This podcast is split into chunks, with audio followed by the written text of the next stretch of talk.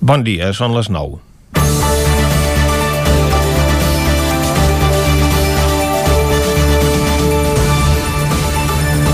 Aquesta mitjanit comença la campanya electoral més atípica que ens podríem imaginar.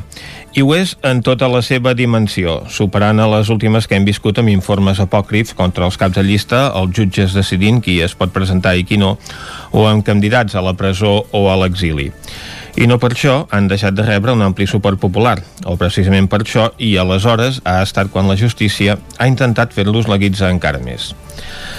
Ara, aquesta campanya és tan atípica que, de fet, ni se sap a hores d'ara del cert si aquestes eleccions s'acabaran celebrant. La decisió està en mans també d'una justícia convertida en actor principal del procés que ha de decidir si finalment es duen a terme el dia 14 després d'anul·lar el decret d'ajornament consensuat per la gran majoria de partits. La pandèmia farà que aquesta sigui una campanya sense les habituals imatges de petons i abraçades al candidat que va buscar el vot pel carrer. Ara ja ens estem acostumant a fer-ho tot de forma telemàtica i, de fet, el precedent al País Basc i Galícia o d'altres països com els Estats Units o Portugal, que n'acaben de celebrar, ens serveixen d'exemple de per on han d'anar les coses. El govern de la Generalitat defensava l'ajornament de les eleccions per la situació sanitària i col·lectius, com els col·legis de metges o d'infermers, s'han pronunciat en aquest mateix sentit. Ara bé, tot i la gravetat de la situació, es veu que per assistir a un acte de campanya es pot trencar el confinament municipal en defensa del dret a la participació política, de la mateixa manera que s'autoritza anar a manifestacions. La polèmica que s'ha originat ha arribat a un punt que fins i tot el vicepresident Pere Aragonès ha hagut d'intervenir per recomanar que no es faci i el govern vol consensuar un acord amb els partits perquè els actes acollin només ciutadans del municipi i es retransmetin per via telemàtica. S'entén que els candidats es desplacin per fer campanya, també que càrrecs electes se sentin amb l'obligació d'anar a algun d'aquests actes, però per això tenen el carnet que els identifica com a regidors. Ara bé, que la gent no se la deixi sortir del municipi per res que no sigui anar al metge o a la feina o per una causa excepcional i per la campanya hi hagi dret de butlla no contribueix a que els ciutadans entenguin les recomanacions de protecció civil i per tant compleixin totes les obligacions que se li demanen. Ara mateix està en joc si preval el dret a participació política o les restriccions sanitàries. Potser la clau de tot plegat està no en la preservació d'un dret essencial, sinó en qui pren les decisions. Que els pets bromegin en muntar un partit polític per poder fer mítings posa de manifest la indignació que la mesura ha provocat a un dels col·lectius més afectat per les restriccions com és l'artístic. El que està clar és que si en lloc de polítics hi haguessin pallassos al capdavant del Procicat, els circs estarien plens. Comencem Territori 17 a la sintonia del 9 FM, la veu de Sant Joan, Ona Codinenca, Ràdio Cardedeu i el 9 TV. Territori 17, amb Vicenç Vigues i Jordi Sunyer.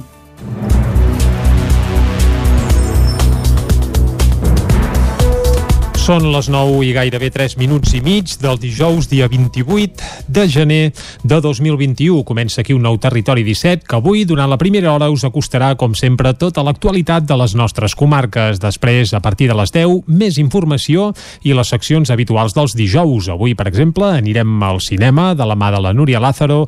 També tindrem la secció de, curiosi de curiositats i paraules en català amb la Cristina Enfruns i acabarem al punt de les 12 del migdia amb el racó de pensar amb Maria López. López. Tot això i molt més des d'ara mateix i fins a les 12 del migdia i com sempre el que fem és arrencar tot fent un repàs a l'actualitat de les nostres comarques, les comarques del Ripollès, Osona, el Moianès i el Vallès Oriental.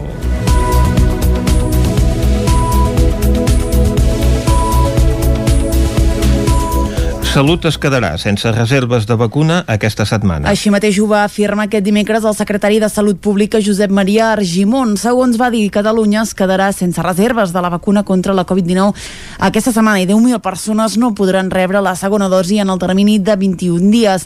Tot i això ho faran abans d'esgotar el màxim de 42 dies. Catalunya ha rebut 217.000 vacunes, de les quals 200.000 estan administrades i 17.000 es posaran entre aquest dimecres i dijous al matí. Demà es farà la segona tramesa de la setmana de 30.000 dosis que s'administraran fins diumenge. Segons Argimon, Catalunya ja ha consumit tot l'estoc estratègic i, per tant, a partir d'avui, les neveres quedaran buides. Salut Pública resta ara a l'espera que dilluns arribi una nova remesa de vacunes. Pel que fa al pla estratègic i al calendari de vacunació, Argimon va dir que no canviarà i que a partir d'ara es prioritzarà vacunar a les persones majors de 80 anys. Des de l'esclat de la crisi del coronavirus, el fotoperiodista de Call d'Atenes, Marc Senyer, ha les diferents realitats que la pandèmia ha deixat a Osona. Pacients de coronavirus recuperant-se a la unitat de cures intensives de l'Hospital Universitari de Vic, la complicitat que la pandèmia ha establert entre malalts i professionals sanitaris o l'emoció d'una pacient al rebre l'alta hospitalària. Són diferents realitats que el fotoperiodista Marc Senyer ha capturat des de l'inici de la pandèmia. Un dels primers llocs on va poder accedir el passat mes de març va ser a l'Hospital de Can de Bànol, on va poder copsar una situació inèdita, la manca de material. Era al principi de tot que, no sé si recordeu tots, que eh, es va donar el cas de que no hi havia prou respiradors mm. i a l'Hospital de Camp de Bànol es va donar una imatge molt potent que, bueno, un pacient que el van haver de d'ajudar-lo a respirar amb una màscara d'aquestes del Decathlon. Des de l'inici de la pandèmia ha disparat més de 3.000 instantànies. Assegura que des de llavors s'ha trobat tota mena de restriccions. Uh, de tot, uh, com a tot arreu, gent que entén perfectament el que estàs fent, que és, és una feina i ho hem de documentar, ho hem d'explicar, perquè en un futur tots voldrem saber què ha passat, què hem fet bé, què no hem fet bé i el document, el testimoni, les fotografies que estem fent serviran per, uh -huh. per, per entendre-ho millor. I també m'he trobat gent que li costa a vegades d'entendre que, que, que estiguis fent fotos en situacions tan difícils com aquestes evidentment eren a tota mena de reaccions. Gran part de les fotografies que ha fet Marc Senyer s'han recopilat en un vídeo que s'està projectant a les escoles de Vic. L'objectiu és conscienciar els infants del perill i les conseqüències que pot suposar la pandèmia. El socialista Francesc Juzgado recupera l'alcaldia de Parets del Vallès en prosperar la moció de censura a Jordi Seguer d'Esquerra. David Auladell, de Ràdio Televisió, Cardedeu. Els socis de govern dels republicans, Sumem Esquerres, van presentar una moció contra el Batlle en considerar que no s'estaven complint els acords establerts al maig del 2019. Ara, però, han pactat amb el PSC per seguir a l'executiu a canvi de cedir l'alcaldia a Juzgado, qui ja va assumir aquest càrrec entre el 2018 i el 2019. La sessió plenària que es va celebrar a la sala Bassart de l'edifici de la cooperativa per garantir distàncies va estar plena de retrets entre els excompanys de govern, mentre a l'exterior mig centenar de persones van seguir l'acte amb aplaudiments i xiulades. La sessió va arrencar amb una intervenció del candidat a l'alcaldia, Francesc Juzgado, que va recordar que ja el 2019 van negociar únicament amb Sumem Esquerres per configurar el govern municipal, sense que arribessin a cap entesa. L'alcalde sortint, Jordi Seguer, es va mostrar dolgut amb els seus ja companys de govern, Sumem Esquerres, si bé va assegurar que no atacaria la figura de cap dels tres regidors que configuren la formació. Seguer es va adreçar al relleu a l'alcaldia Francesc Juzgado amb la mà estesa, posant-se a la seva disposició per repassar de manera exhaustiva les gestions pendents. Per la seva banda, la portaveu de Sumem Esquerres, Cassandra Garcia, va lamentar la manca d'entesa amb Seguer, considerant el pacte del 2019 una fallida d'un projecte que va arrencar amb molta il·lusió. Considera també que el ja exalcalde estava incapacitat per governar. Tots els partits a l'Ajuntament de Ripoll bloquegen una moció per eliminar els sacrificis halal de l'escorxador. Isaac Muntades, des de la veu de Sant Joan. Novament, la regidora no escrita Sílvia Oriols es va quedar sola a l'hora de defensar una moció per erradicar els sacrificis halal a l'excursió de Ripoll després que la resta de grups del consistori tombessin la seva proposta en el ple telemàtic de dimarts. En un moment en què l'excursió de Ripoll està en el punt de mira per les inversions que necessita per tal de ser viable, Oriols va demanar que no es destinés cap partida pressupostària pel servei si no es complia la proposta de la moció. L'exregidora del Front Nacional de Catalunya va dir que els escorxadors se sol estabornir l'animal abans de sacrificar-lo per evitar-li un patiment perllongat, però que per satisfer els desitjos de la comunitat musulmana se'ls degolla deixant-los de sagnar durant minuts i per tant són conscients mentre van morint. La DIL va assegurar que gairebé el 50% dels xais i el 40% dels vedells se sacrifiquen de cara a la Meca sense sedar-los. Urriols va enumerar una sèrie de països europeus com Suècia, Dinamarca, Bèlgica i Eslovènia que ja havien prohibit aquest tipus de sacrifici perquè consideraven que la llei civil preval sobre la religiosa i va demanar que la societat ripollesa no reculés cap a pràctiques primitives. Urriols va aprofitar la moció per disparar d'arts cap a Aitor Carmona de l'Alternativa per Ripoll CUP i Chantal Pérez d'Esquerra Republicana de Catalunya. El senyor Car Carmona ens va votar en contra de la recuperació de la festa de Sant Antoni en considerar que estivar una carrossa és maltractament animal. Per tant, esquinçar-li l'esòfag de viu en viu suposem que també ho considerarà maltractament animal. O és que si ho fan els musulmans és multiculturalitat i callarem i passarem de puntetes. Esquerra suposo que també ens donarà suport. Vaja, tots recordem aquell plenari on la senyora Chantal va afirmar amb rotunditat que si fos per ella prohibiria totes les religions. Suposem, doncs, que no és favorable als rituals religiosos i menys encara quan suposen el patiment innecessari d'un ésser viu. Així van contestar-li Carmona i Pérez respectivament. Precisament les tradicions, quan interessa, doncs, llavors el patiment animal ja queda en un segon terme. Bé, en total, és el de sempre, utilitzar el patiment animal en aquest cas, utilitzar el feminisme, utilitzar el que sigui, com a excusa al final per atiar un discurs de l'odi, com més contra una cultura molt concreta. No és aquest Ajuntament on tenim la competència per tractar aquest assumpte que més és controvertit, fins i tot en alguns dels països que vostè ha citat, on el, el propi Tribunal de Justícia de la Unió Europea no té massa clar quin preval i eh, per això dicta una sentència respecte a Bèlgica on diu que, escolti, poder no hi ha d'haver hi ha d'haver un atordament previ a nivell elèctric, però no cal que es prohibeixi el halal. Però és que la seva moció és absolutament un altre cop repugnant, atia l'odi, atia la islamofòbia. Tant Carmona com Pérez li van recordar que els jueus fan el ritual kosher, que és exactament igual que el halal, o que els cristians fan la matança del porc. En aquest sentit, Oriols va dir que calia erradicar qualsevol mena de patiment animal. Finalment, la regidora i presidenta de l'escorxador, Manoli Vega, va dir que l'ENS complia amb tota la normativa i que no podien debatre una llei que no depenia de l'Ajuntament canviar-la. A finals de desembre, la torellonenca Montse Iats va deixar el càrrec de presidenta de l'Associació d'Editors en Llengua Catalana, un càrrec que havia ocupat els últims tres anys. Després de presidir la Setmana del Llibre en català de 2013-2015 i d'haver-se implicat en l'Associació d'Editors en Llengua Catalana, primer com a vicepresidenta i des de l'any 2016 com a presidenta, la torellonenca Montse Iats deixa el càrrec per centrar-se en la direcció d'Homo Editorial. Del seu pas per l'entitat destaca totes les accions que s'han impulsat per donar visibilitat i presència al sector editorial. Per tant, una feina molt important ha estat consolidar la Setmana del Llibre en català. Un altre aspecte important ha, ha estat eh, doncs, tot el que eh, són les ajudes a, a aquest sector i per tant aquells gèneres que difícilment són viables en català, veure si podien tenir suport de l'administració per engegar-se, etc. I d'alguna manera doncs, també hem situat l'associació en, en el camp social i cultural com a referents i amb aquesta idea de també de prestigiar la nostra feina. Un altre dels reptes que es va marcar a IATS quan va arribar al capdavant de l'entitat era que el català tingués més presència i arribés a més lectors, lectors que assegura podrien triar el castellà però que si tenen una oferta en català la trien en català tots aquests lectors, eh, si tenen l'oferta en català i tu li fas arribar, són lectors en català. Si no, com que som en un país que hi ha una altra llengua, doncs llegeixen en castellà i no passa res. Per tant, jo crec que els lectors hi són, la feina és oferir-los i arribar-hi. La Torellonenca tanca una etapa per centrar-se en la presidència d'Eumo Editorial, entitat que dirigeix des de l'any 2003 i que encara el nou any amb títols com et devia una carta del rodenc Roger Canadell. Descobreixen un jaciment a Monistral de Calders que podria ser d'origen íber. De moment, s'ha realitzat una primera excavació i ara es busca finançament per continuar investigant la troballa. Caral Campàs, des d'Ona Codinenca.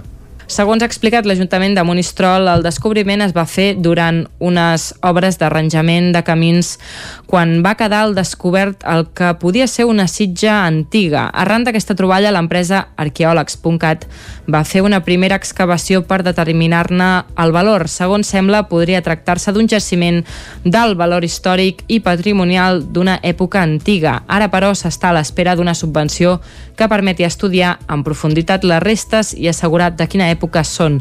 El jaciment s'ubica al pendent de llevant del Serrat de Gordi, en una zona propera a la Riera de Calders i als camps de conreu de l'antic mas Llandric. A hores d'ara s'ha pogut documentar un conjunt de dues sitges que servien per emmagatzemar cereals i un forat circular d'un metre i mig de diàmetre.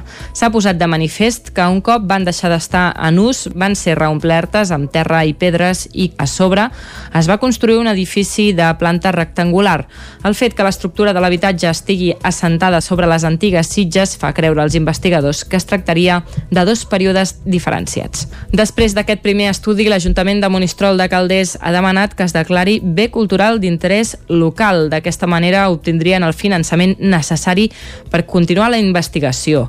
Alhora, per acostar el jaciment a la ciutadania aquest dissabte es farà una visita guiada on l'arqueòleg director explicarà tots els detalls del jaciment.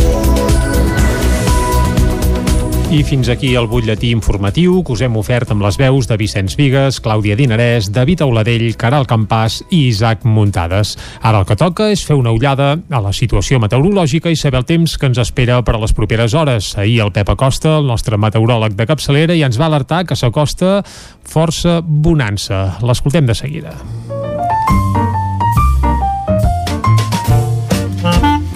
Casa Terradellos us ofereix el temps. Doncs vinga, Pep, molt bon dia. Hola, molt bon dia. Bon dia, bon dia. Benvinguts a l'Espai del Temps. Gràcies. Què tal esteu? Com va aquest dijous? Perfecte. Primer de tot, abans de parlar del temps, sí. vull parlar de l'activitat sísmica que aquests dies a Granada. Uh, bé, faré una petita explicació molt de pressa, uh -huh. perquè és una activitat sísmica moderada, i la tenim aquí, molt a prop, a 700-800 km en línia recta. Per tant, és interessant parlar del que passa allà. A Granada hi ha una sèrie de... Hi ha unes petites plaques tectòniques, hi ha una sèrie de falles també, i hi ha a prop la placa africana i l'euroasiàtica, que són enormes, aquestes dues plaques tectòniques, que recordeu que sempre estan en moviment, i, i això és el que provoca aquests terratrèmols a la zona.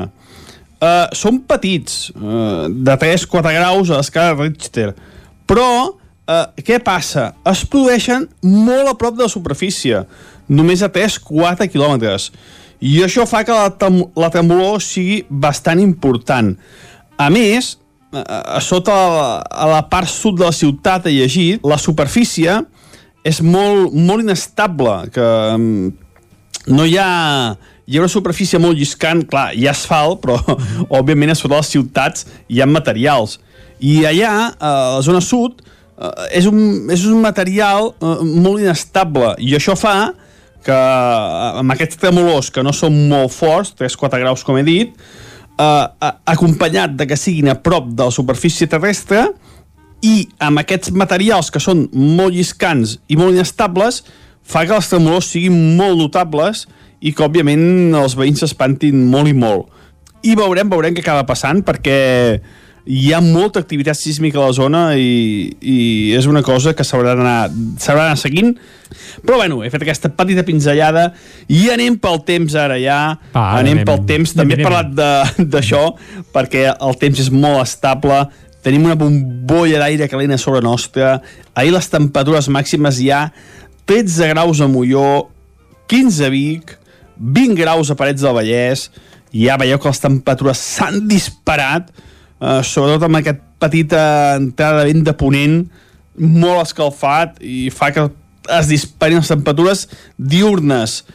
A la nit també, déu nhi aquesta nit mínimes de 6 graus a Núria, a 2.000 metres, 6 graus, una mica més baixes a les valls, però bueno, no ha glaçat a cap població de les nostres comarques, tampoc ha glaçat alta muntanya, això en ple gener, eh, a ple hivern, no és gaire normal que passi, eh? que cap, no hi hagi cap glaçada a les nostres comarques, que hi ha molts jocs molt freds al mes de, de gener. Hi ha una mica de boira, una mica de boira a les fondalades, eh, molt poca cosa, s'acabarà esveint. La, el cel, l'estat del cel, és, hi ha calitja, eh, mala visibilitat, aquesta posa en suspensió que poseix del Sàhara, i com deia, les temperatures al migdia poden encara pujar més que ahir Uh, es va fregar els 20 graus en alguna zona del peritoral. Avui a més zones es fregar aquests 20 graus inclús superem els 20 graus, eh? A zones com Vilanova, Parets, Graullers, Mollet, aquesta zona, la, la, la plana del Vallès, és possible que superi els 20 graus avui, temperatures escandalosament altes. Mm -hmm. Vents febles, una mica, algun cop moderat de ponent, que és aquest vent escalfat que escalfa encara més l'ambient, i que és responsable que les temperatures pugin i pugin durant aquests dies. No hi haurà gaires novetats. Dissabte potser sí que baixen les temperatures, uh, però bueno, seguirem aquesta bombolla de calent, aquest anticicló que emergeix del nord d'Àfrica i que ens afecta a ple durant els pròxims dies. Moltes gràcies i a qui agradi aquest ambient suau, a disfrutar-lo. I a qui no, eh, és el que hi ha. Molt bon dijous. Adéu. Vinga, Pep, moltes gràcies. És el que hi ha. Doncs estarem un parell de dies amb ambient estable i gairebé podríem dir que càlid i tot. No sé si és la millor manera d'anar cap al quiosc, que suposo que sí, eh, Exacte, sense haver-se d'abrigar gaire. No? Ah, això mateix. Doncs anem a comprovar què ens diuen les portades de la premsa d'avui. Ho fem de seguida. Casa Tarradellas us ha ofert aquest espai. Territori 17. Envia'ns les teves notes de veu per WhatsApp al 646 079 023. 646 079 023. WhatsApp Territori 17.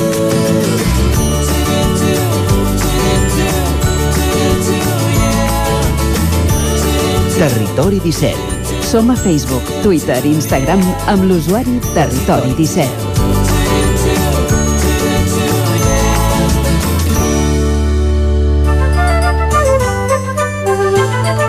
Sense perill, doncs, que els papers s'omitegin, anem a veure quins són els protagonistes de les portades d'avui, Clàudia. Comencem amb el punt avui que diu vacunes al límit. Salut es queda sense reserves aquesta setmana i retarda segones dosis. La pressió hospitalària obliga a desprogramar fins a un 30% de l'activitat. En esports, el Barça s'aferra a la Copa.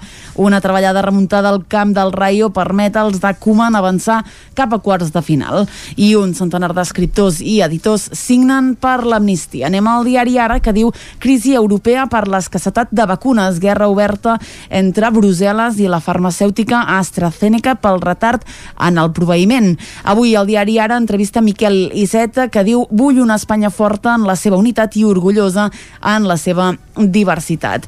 Un últim titular, els joves ja pateixen més risc de pobresa que la gent gran. El periòdico alarma per la falta de vacunes i la soca britànica. El retard dels fabricants en el subministrament amenaça els programes d'immunització.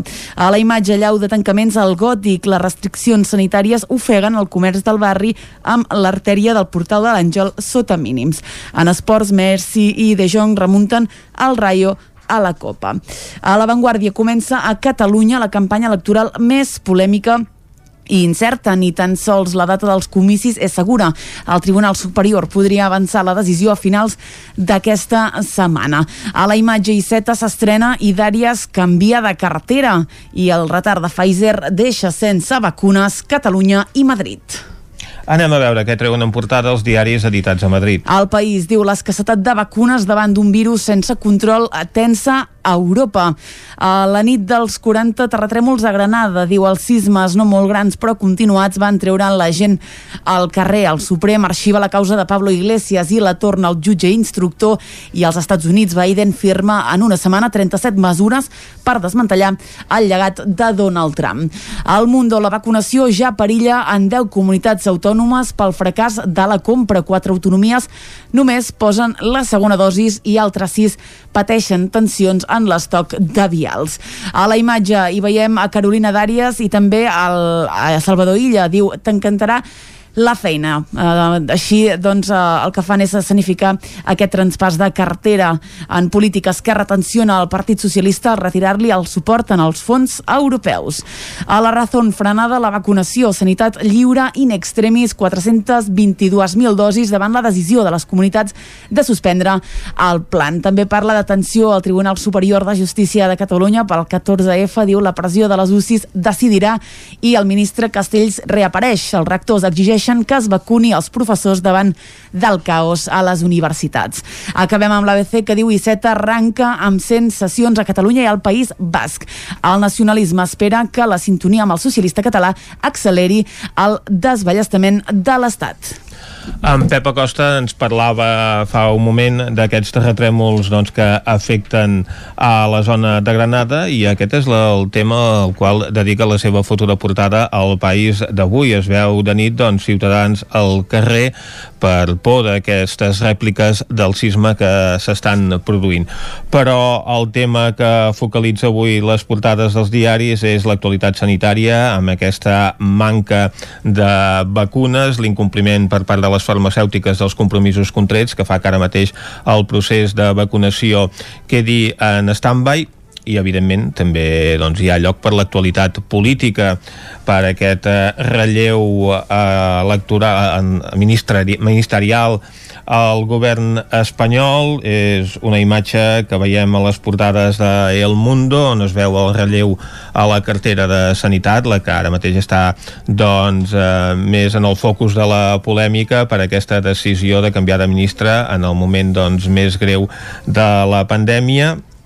A l'ABC opten per una imatge del relleu al Departament de Política Territorial, és el mateix que ofereix la Vanguardia amb la presència doncs, eh, aquest ministre català que substitueix eh, Salvador Illa en la quota catalana a l'executiu, eh, Miquel Iceta doncs, al capdavant d'aquest nou ministeri també el nou ministre català és protagonista en aquest cop en solitari a la portada del diari Ara el punt avui, per exemple, doncs no es refereix a aquesta actualitat política, sí que focalitza doncs, la seva portada amb la situació sanitària i el problema de distribució de les vacunes i la imatge que ofereix a portada és la del partit del Barça d'ahir que es va classificar per quarts de final de la Copa del Rei al camp del Rayo. Després de remuntar, eh? perquè anava sí. perdent 0 a 1, home, el Rayo, aviam, tampoc és una primera potència mundial, però a la Copa hi ha hagut tantes sorpreses sorpreses que continua de viu, entre cometes, diguem que té el seu mèrit. Eh? I el Barça ha començat tants partits perdent que ja quasi bé s'ho agafa per costum. Bé, però si els acaba remuntant eh, sempre eh, està bé posar una, una mica d'emoció, ja que no hi ha bon joc, almenys que hi hagi una mica d'emoció als partits eh, que ens ajuden a passar una mica millor eh, aquest pseudo confinament on ja estem immersos de fa unes quantes setmanes. Uh mhm. -huh. Aquest any encara caurà la Copa, val més això que res. No?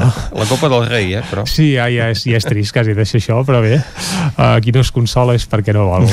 Sí, sí, això diuen. I més amb el tema futbolístic. I Tot fins... i que, deixa'm dir que sí. parlant de temes futbolístics, el gran tema d'ahir va ser la samarreta del Barça que durà en el clàssic contra el Madrid, eh? una samarreta que ha publicitat el Carles Puyol, uh mhm. -huh. on s'entrellacen les quatre barres catalanes amb la, bé, amb la bandera blaugrana i la veritat és que és una samarreta que fa goig, eh? I bé, si algú la sentís, suposo que només amb la samarreta ja tindríem mig partit al sac. Però vaja, això seria un altre tema. Ah, exactament, veurem, veurem com va tot plegat. Hem fet aquest repàs al que treuen en portada els diaris d'avui i tornem tot seguit. Exacte, ara fem una pausa aquí a Territori 17 i a dos quarts d'en punt de 10 us acostem de nou tota l'actualitat de les nostres comarques. Fins ara mateix.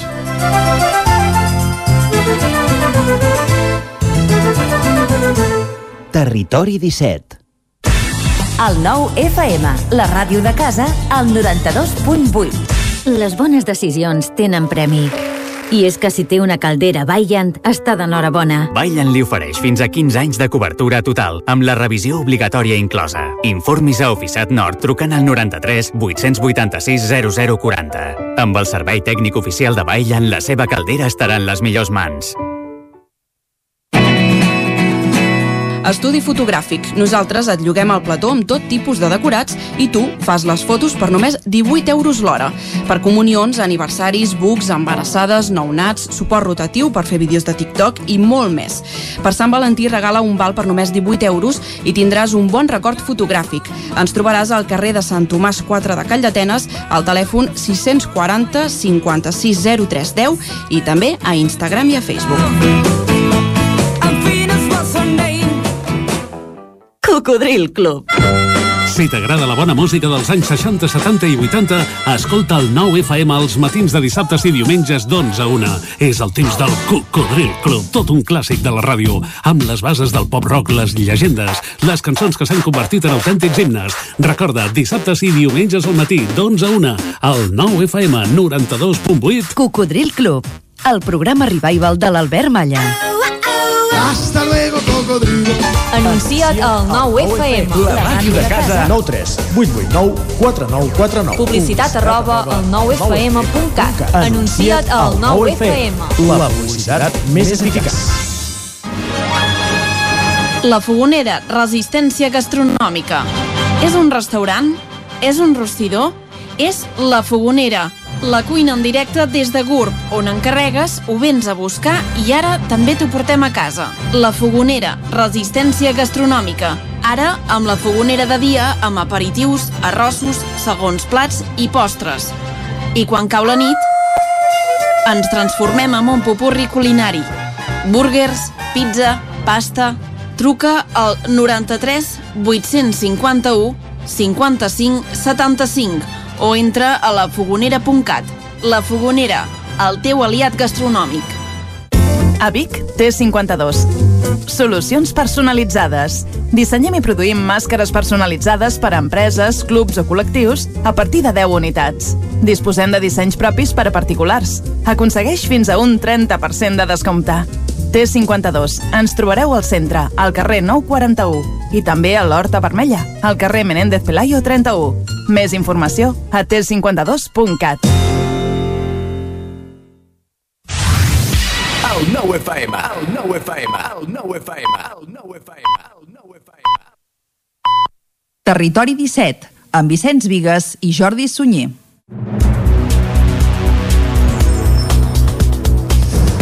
Dos quarts de deu en punt d'avui dijous, dia 28 de gener de 2021. Seguim en directe aquí a Territori 17 i us farem companyia fins a les 12 del migdia. Ara de seguida us acostarem de nou tota l'actualitat de les nostres comarques i després, a partir de les 10, més informació i les seccions habituals. Avui l'entrevista, anirem fins al Museu Etnogràfic de Ripoll, també parlarem de cinema amb la Núria Lázaro, recuperarem la secció de paraules i curiositats del català amb Cristina Enfruns i acabarem acabarem al punt de les 12 del migdia amb el racó de pensar amb Maria López. Avui parlant d'un tema que els que tenim o teniu fills doncs sovint preocupa i és el tema dels germans. Quina relació han de tenir els fills amb els germans en cas que en tinguin? Ho descobrirem al racó de pensar avui amb la Maria López a la part final d'un Territori 17 que ara segueix acostant-vos de nou l'actualitat de les nostres comarques. Ja ho sabeu, les comarques del Ripollès, Osona, el Moianès i el Vallès Oriental.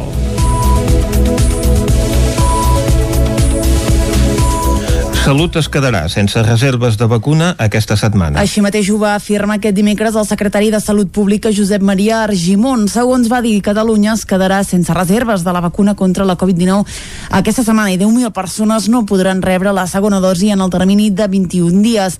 Tot i això ho faran abans d'esgotar el màxim de 42 dies. Catalunya ha rebut 217.000 vacunes, de les quals 200.000 estan administrades i 17.000 es posaran entre aquest dimecres i dijous al matí.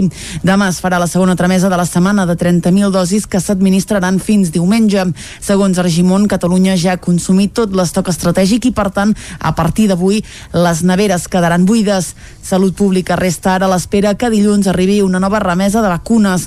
Pel que fa al pla estratègic i al calendari de vacunació, Argimon va dir que no canviarà i que a partir d'ara es prioritzarà vacunar a les persones majors de 80 anys. Des de l'esclat de la crisi del coronavirus, el fotoperiodista de Call d'Atenes, Marc Senyer, ha capturat les diferents realitats que la pandèmia ha deixat a Osona. Pacients de coronavirus recuperant-se a la unitat de cures intensives de l'Hospital Universitari de Vic, la complicitat que la pandèmia ha establert entre malalts i professionals sanitaris o l'emoció d'una pacient al rebre l'alta hospitalària. Són diferents realitats que el fotoperiodista Marc Senyer ha capturat des de l'inici de la pandèmia.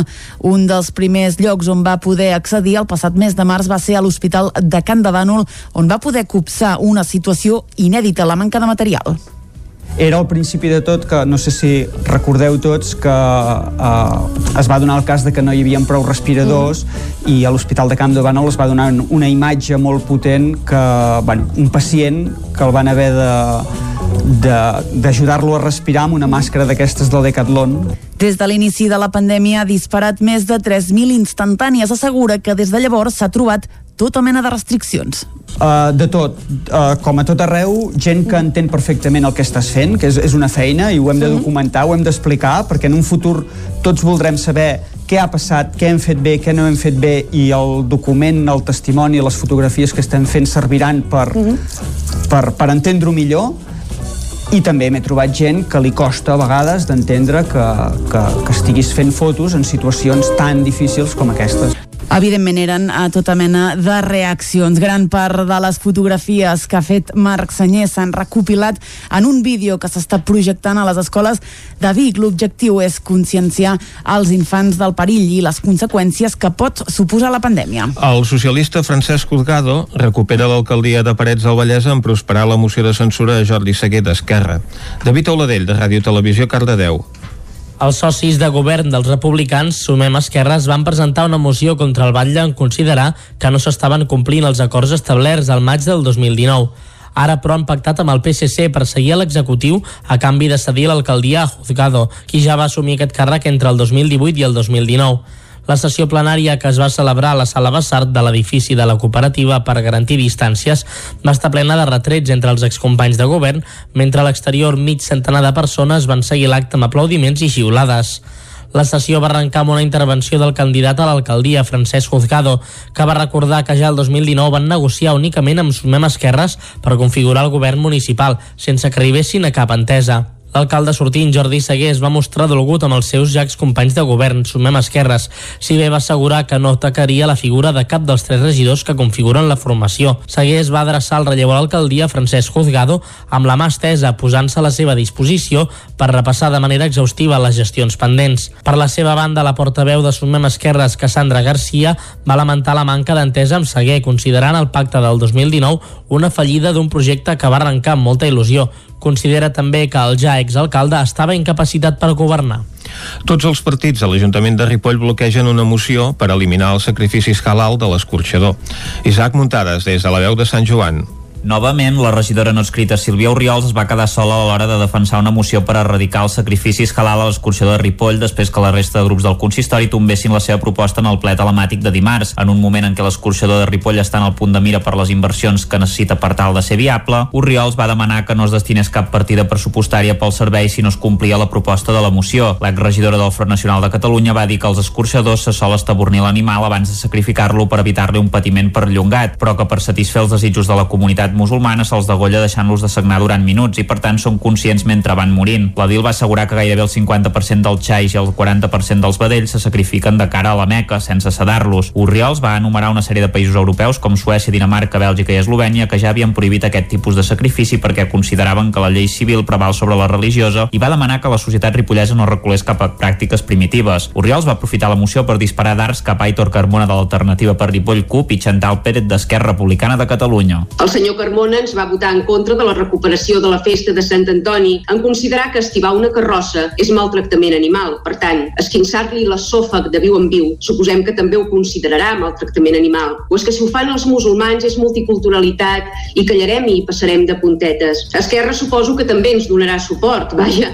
tots recordem aquell plenari on la senyora Chantal va afirmar amb rotunditat que si fos per ella prohibiria totes les religions. Suposem, doncs, que no és favorable als rituals religiosos i menys encara quan suposen el patiment innecessari d'un ésser viu. Així van contestar-li Carmona i Pérez respectivament. Precisament les tradicions, quan interessa, doncs, llavors el patiment animal ja queda en un segon terme. Bé, en total, és el de sempre, utilitzar el patiment animal en aquest cas, utilitzar el feminisme, utilitzar el que sigui, com a excusa al final per atiar un discurs de l'odi un cop més contra una cultura molt concreta. No és aquest Ajuntament on tenim la competència per tractar aquest assumpte que més és controvertit, fins i tot en alguns dels països que vostè ha citat, on el, el propi Tribunal de Justícia de la Unió Europea no té massa clar quin preval i per això dicta una sentència respecte a Bèlgica on diu que, escolti, poder no hi ha d'haver hi ha d'haver un atordament previ a nivell elèctric, però no cal que es prohibeixi el halal. Però és que la seva moció és absolutament un altre cop repugnant, atia l'odi, atia la islamofòbia. Tant Carmona com Pérez li van recordar que els jueus fan el ritual kosher, que és exactament igual que el halal, o que els cristians fan la matança del porc. En aquest sentit, Oriols va dir que calia erradicar qualsevol mena de patiment animal. Finalment, la regidora i presidenta de l'escorxador, Manoli Vega, va dir que l'ENS complia amb tota la normativa i que no podien debatre una llei que no depenia de l'Ajuntament canviar-la.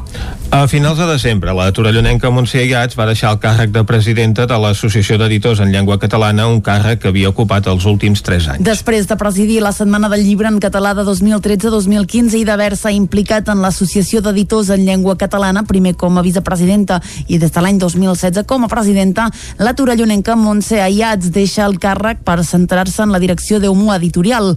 Del seu pas per l'entitat destaca totes les accions que s'han impulsat per donar visibilitat i presència al sector editorial. Per tant, una feina molt important ha estat consolidar la Setmana del Llibre en català. Un altre aspecte important ha, ha estat eh, doncs, tot el que eh, són les ajudes a, a aquest sector i per tant aquells gèneres que difícilment són viables en català, veure si podien tenir suport de l'administració per engegar-se, etc. I d'alguna manera doncs, també hem situat l'associació en, en el camp social i cultural com a referents i amb aquesta idea de també de prestigiar la nostra feina. Un altre dels reptes que es va marcar a IATS quan va arribar al capdavant de l'entitat era que el català tingués més presència i arribés a més lectors, lectors que assegura podrien triar el castellà però que si tenen una oferta en català la trien en català tots aquests lectors, eh, si tenen l'oferta en català i tu li fas arribar, són lectors en català. Si no, com que som en un país que hi ha una altra llengua, doncs llegeixen en castellà i no passa res. Per tant, jo crec que els lectors hi són, la feina és oferir-los-hi i arribar-hi. La Torellonenca tanca una etapa per centrar-se en la presidència d'Eumo Editorial, entitat que dirigeix des de l'any 2003 i que encara el nou any amb títols com et devia una carta del rodenc Roger Canadell. Descobreixen un jaciment a Monistral de Calders que podria ser d'origen íber. De moment s'ha realitzat una primera excavació i ara es busca finançament per continuar investigant la troballa. Caral Campàs des d'Ona Codinenca. Segons ha explicat l'Ajuntament de Monistrol, el descobriment es va fer durant unes obres d'arranjament de camins quan va quedar al descobert el que podia ser una sitja antiga. Arran d'aquesta troballa, l'empresa arqueòlegs.cat va fer una primera excavació per determinar-ne el valor. Segons sembla, podria tractar-se d'un jaciment d'alt valor històric i patrimonial d'una època antiga. Ara, però, s'està a l'espera d'una subvenció que permeti estudiar en profunditat les restes i assegurar de quina època són. El jaciment s'ubica al pendent de llevant del Serrat de Gordi, en una zona propera a la Riera de Calders i als camps de Conreu de l'antic mas Llandric. A hores d'ara s'ha pogut documentar un conjunt de dues sitges que servien per emmagatzemar cereals i un forat circular d'un metre i mig de diàmetre. S'ha posat de manifest que un cop van deixar d'estar en ús van ser reomplertes amb terra i pedres i a sobre es va construir un edifici de planta rectangular. El fet que l'estructura de l'habitatge estigui assentada sobre les antigues sitges fa creure als investigadors que es tractaria de dos períodes diferenciats. Després d'aquest primer estudi, l'Ajuntament de Monistrol de Calders ha demanat que es declari bé cultural d'interès local. D'aquesta manera obtindrien el finançament necessari per continuar la investigació. Alhora, per acostar el jaciment a la ciutadania aquest dissabte es farà una visita guiada on l'arqueòleg director director explicarà tots els detalls del jaciment. I fins aquí el butlletí informatiu que us hem ofert amb les veus de Vicenç Vigues, Clàudia Dinarès, David Auladell, Caral Campàs i Isaac Muntades. Ara el que toca és fer una ullada a la situació meteorològica i saber el temps que ens espera per a les properes hores. Ahir el Pep Acosta, el nostre meteoròleg de capçalera, i ens va alertar que s'acosta força bonança. L'escoltem de seguida.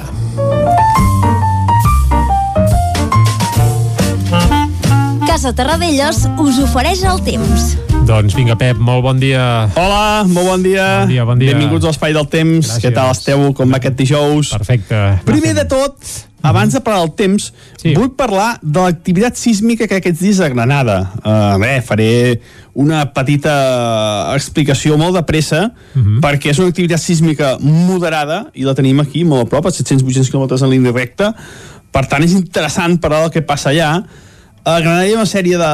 hi ha unes petites plaques tectòniques, hi ha una sèrie de falles també, i hi ha a prop la placa africana i l'euroasiàtica, que són enormes, aquestes dues plaques tectòniques, que recordeu que sempre estan en moviment, i, i això és el que provoca aquests terratrèmols a la zona.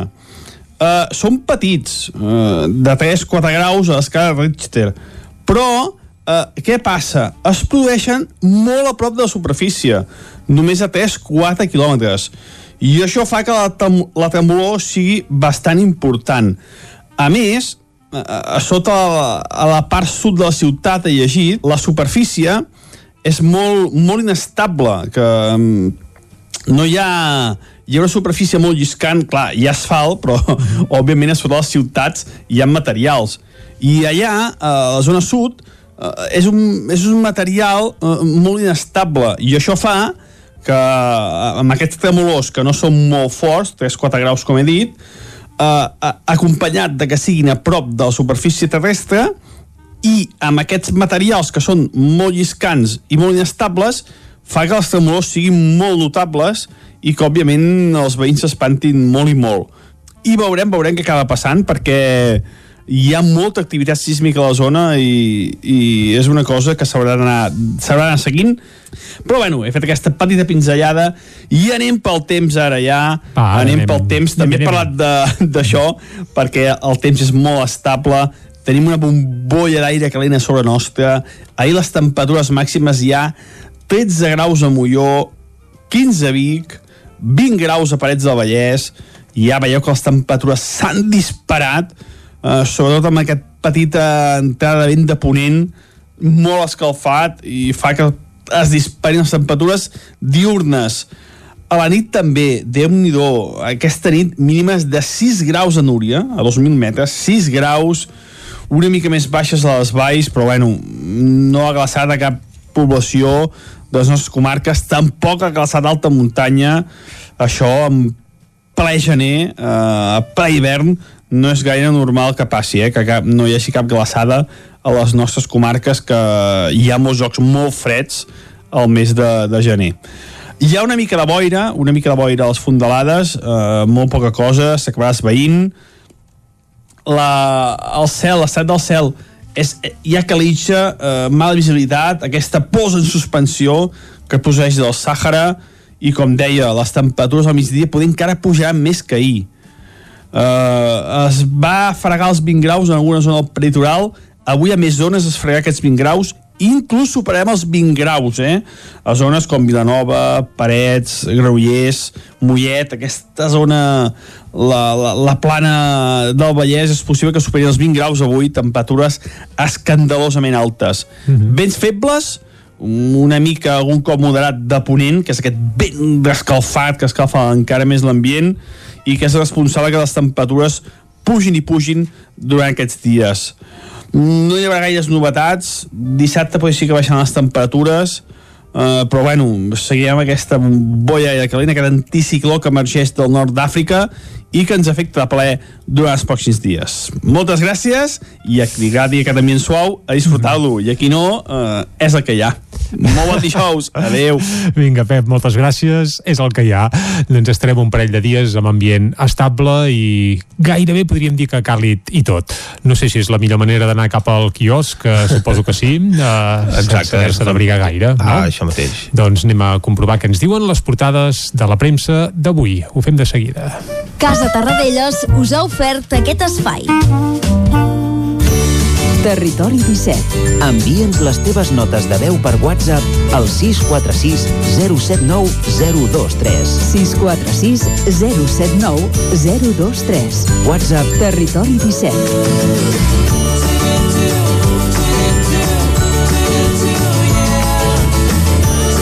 Territori 17. Som a Facebook, Twitter i Instagram amb l'usuari Territori 17.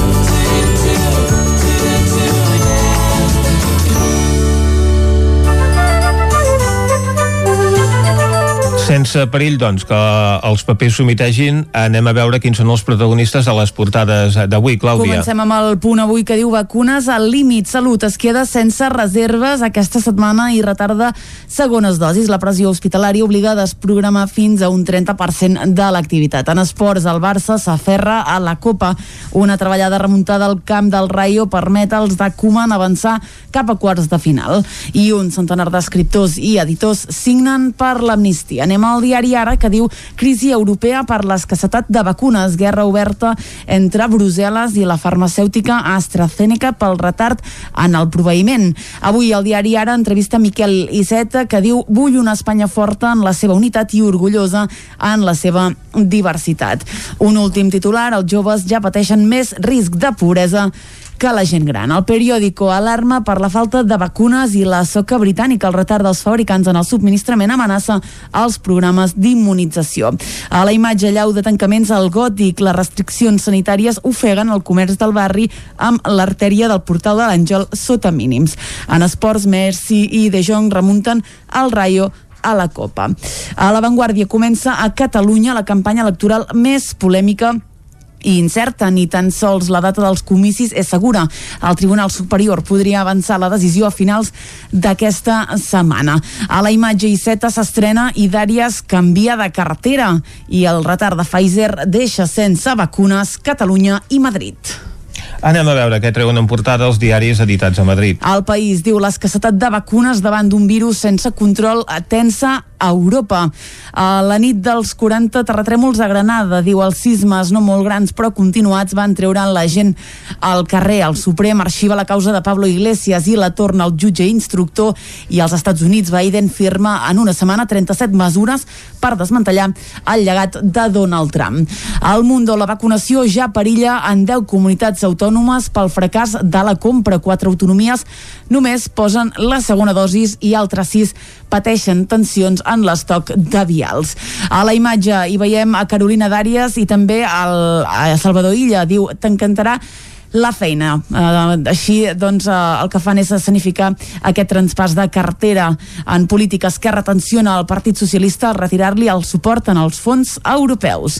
A la Razón frenada la vacunació, sanitat lliure in extremis, 422.000 dosis davant la decisió de les comunitats de suspendre el plan. També parla d'atenció al Tribunal Superior de Justícia de Catalunya pel 14F, diu la pressió de les UCIs decidirà i el ministre Castells reapareix. Els rectors exigeixen exigeixen que es vacuni els professors davant del caos a les universitats.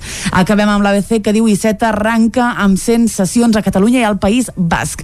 El nacionalisme espera que la sintonia amb el socialista català acceleri el desballestament de l'Estat.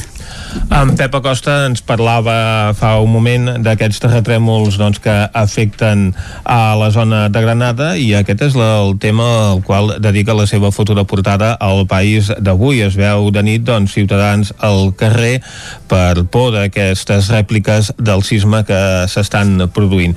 Però el tema que focalitza avui les portades dels diaris és l'actualitat sanitària amb aquesta manca de vacunes, l'incompliment per part de les farmacèutiques dels compromisos contrets que fa que ara mateix el procés de vacunació quedi en stand-by i evidentment també doncs, hi ha lloc per l'actualitat política per aquest eh, relleu eh, electoral ministerial al govern espanyol. És una imatge que veiem a les portades de El Mundo on es veu el relleu a la cartera de Sanitat, la que ara mateix està doncs, eh, més en el focus de la polèmica per aquesta decisió de canviar de ministre en el moment doncs, més greu de la pandèmia a l'ABC opten per una imatge del relleu al Departament de Política Territorial, és el mateix que ofereix la Vanguardia amb la presència doncs, eh, aquest ministre català que substitueix eh, Salvador Illa en la quota catalana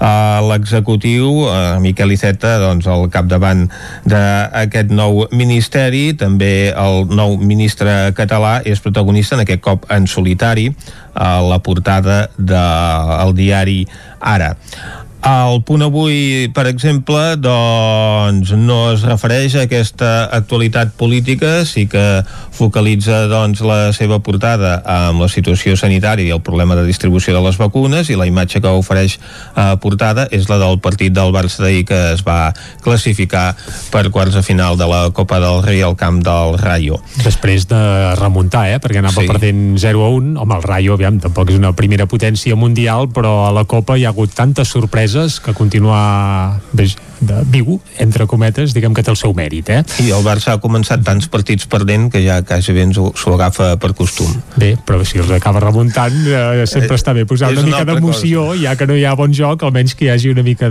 d'emoció de, als partits eh, que ens ajuden a passar una mica millor eh, aquest pseudo confinament on ja estem immersos de fa unes quantes setmanes. Uh mhm. -huh. Aquest any encara caurà la Copa, val més això que res, no? La Copa del Rei, eh, però. Sí, ja, ja, ja és trist quasi deixar això, però bé, eh, qui no es consola és perquè no vol.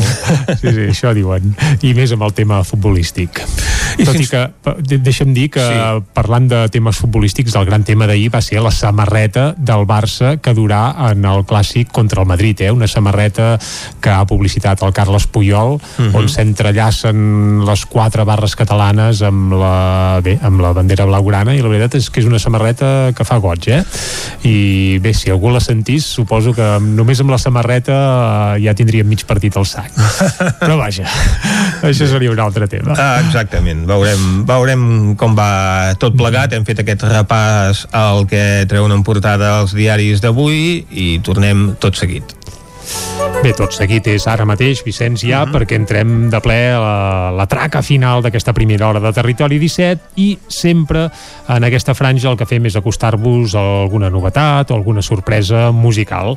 I avui també la tenim, eh? Ah, molt bé. Bé, com sempre. A veure, a veure quina sorpresa I, uh, Sí, avui estem d'estrena mundial, però contextualitzarem perquè és d'un xicot de Centelles que es diu Xavier Tristan i, uh -huh. home, no ha set mai entre cometes, un primera espasa conegut o primera divisió, però sempre hi ha gent d'aquella que fa anys i panys que està al món de la música, que va fer obrers de la música, no? que no viuen exclusivament d'això, evidentment, però que, que porten dotzenes d'anys al peu del canó. I el Xavier Tristan eh, és conegut perquè ja des de finals del segle passat, eh, bé, fa quatre dies, però ja fa un, un cert temps, estava molt vinculat a grups de heavy metal i rock dur, etc etc. Segurament el, el que va fer més fortuna és un que es deia Tristan, és a dir, va agafar el seu cognom, uh -huh. això el, la gent del món del rock dur eh, ho fa sovint, en l'àmbit internacional, qui no recorda els mítics Van Halen, Bon Jovi, com em batejo? Va, em poso el meu cognom i ja està, ja tenim el nom del grup, eh? O el Moreno del Metal. El Moreno del Metal, correcte. Va. Bé, aquest més que el nom seria... El cognom. Bé, ah, sí. Bé, clar, Moreno, si tenim Moreno... Bé, va, conclusió. doncs el Xavier Tristan eh, ara mateix, bé, fa un parell d'anys va passar per un sotrac eh, important, va estar força fotut, ingressat, hospitals, vaja, diguem que pobre no, no ho ha passat gaire bé, però afortunadament s'ha pogut recuperar de tot plegat i ara el que fa és tornar a la seva carrera, diguem-ne, musical, però ha abandonat una mica el rock dur i sobretot el heavy metal i els ritmes més, més esmolats i ara s'ha convertit en cantautor.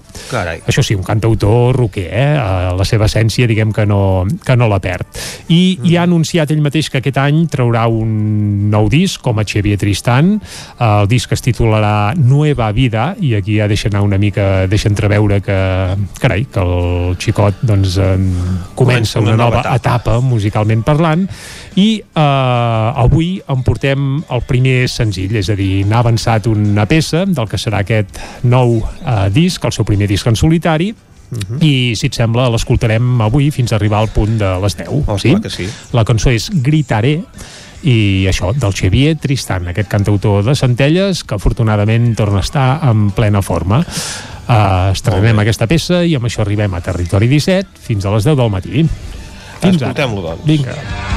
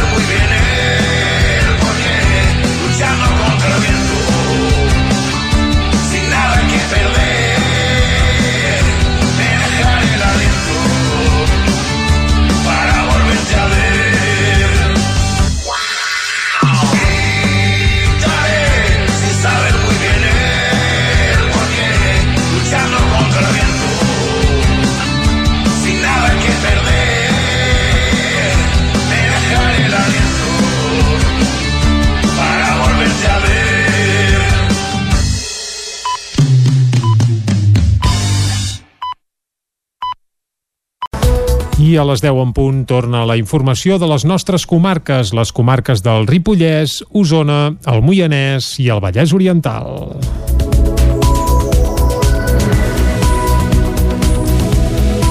El govern que surti de les eleccions el 14 de febrer ho tindrà tot a punt per aprovar el nou contracte programa per la UBIC UCC. Caldrà incloure la partida al futur pressupost de la Generalitat. En els darrers dos anys s'ha estat treballant intensament en aquest programa entre govern i universitat. És el que va dir aquest dijous en una entrevista a la xarxa l'actual pre- vicepresident del govern en funcions de president i candidat d'Esquerra, Pere Aragonès. Fet ajudes directes a la Universitat de Vic per cobrir dèficits en els darrers exercicis, i, però el que cal és, és poder estabilitzar això, sent conscient del paper eh, clau per l'equilibri territorial que fa aquesta universitat, que no és una universitat com les universitats públiques, però sí que és de vocació pública. Hem pogut treballar-ho amb el Consell Social de la Universitat de Vic i crec que tan bon punt enceti la nova legislatura, que aquesta és una de les qüestions que es poden fer ràpidament. L'entrevista d'Aragonès a la xarxa va ser una de les primeres que el vicepresident ha concedit després que el Tribunal Superior de Justícia de Catalunya reactivés la maquinària electoral de cara al 14 de febrer. La tecnologia de tractament de purins de mecàniques segalers ha estat seleccionada a la convocatòria Clima del Ministeri d'Agricultura, Ramaderia, Pesca i Alimentació. La granja de l'empresa Soler Ramaders de Sant Hipòlit, que té instal·lada una planta de reducció del purí de mecànica segalers de GURB, ha estat seleccionada al projecte Clima del Ministeri d'Agricultura. El programa té una compensació econòmica per vendre les emissions de carboni que deixen de generar amb aquest sistema un rendiment que pot voltar als 40.000 euros per 4 anys.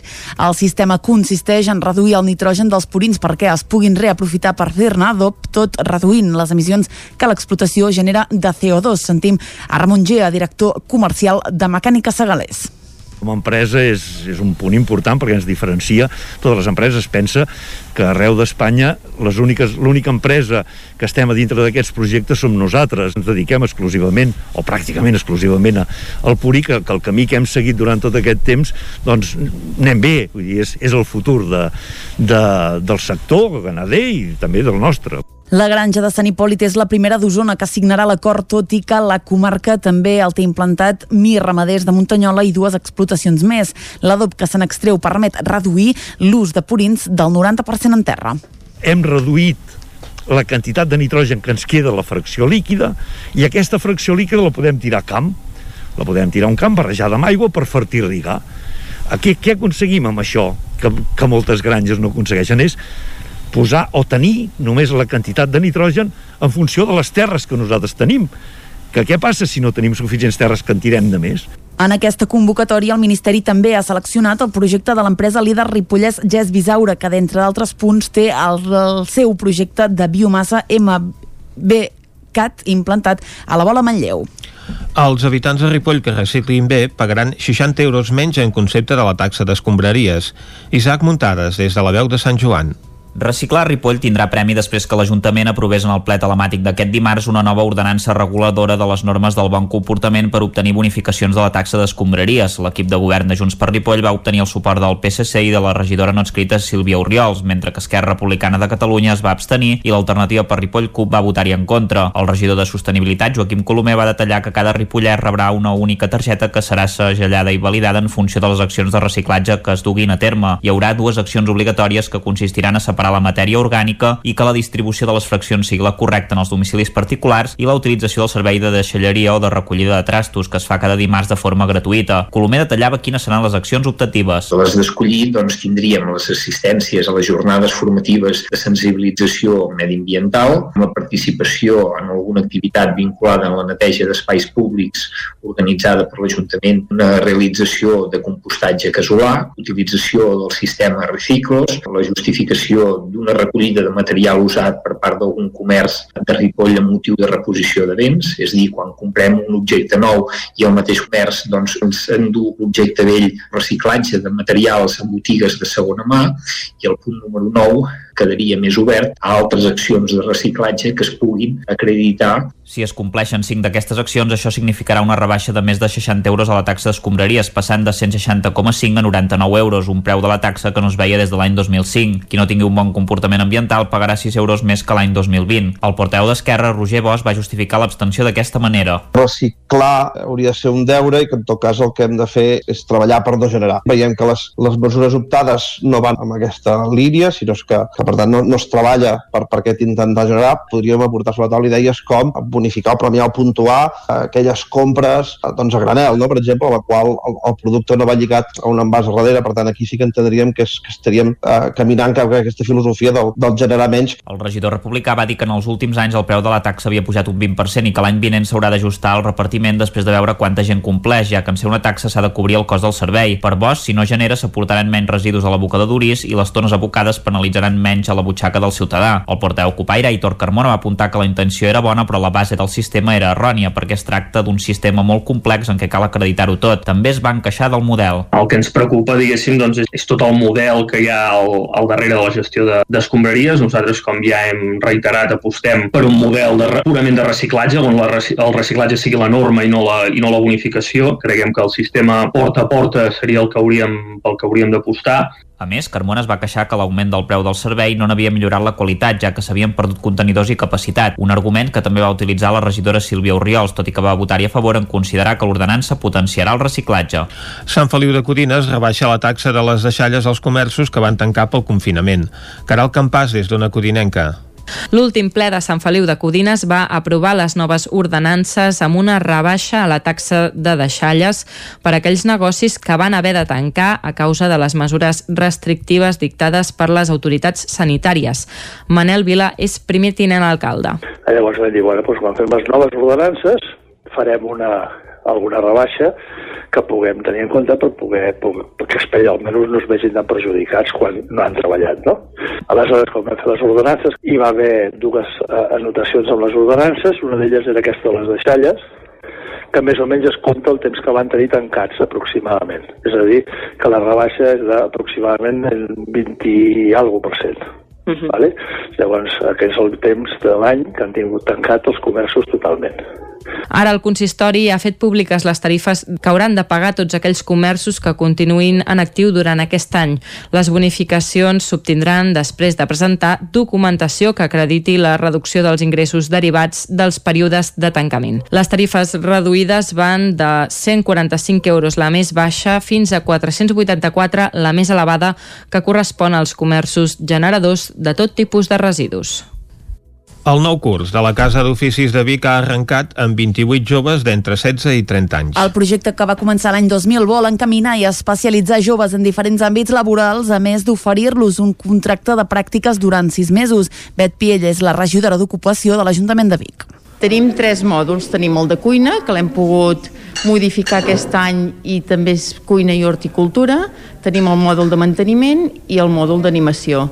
Els tenim tots tres plens, cosa que ens, fa, ens satisfà moltíssim perquè vol dir que aquestes persones rebran una formació de quatre mesos en cada un dels àmbits i després tindran un, un contracte de pràctiques durant sis mesos per posar en pràctica el que han après durant la formació. Un contracte que serà sempre en algun servei públic de, de la ciutat. Aquest any són 28 joves d'entre 16 i 30 anys els que s'han inscrit en els tres mòduls. Tots tenen una part teòrica i una part pràctica, però en el de cuina gairebé des del primer dia els alumnes ja practiquen les tècniques a la remodelada cuina del casal cívic Montseny. Ansari Sentis és el monitor de cuina de la Casa d'Oficis.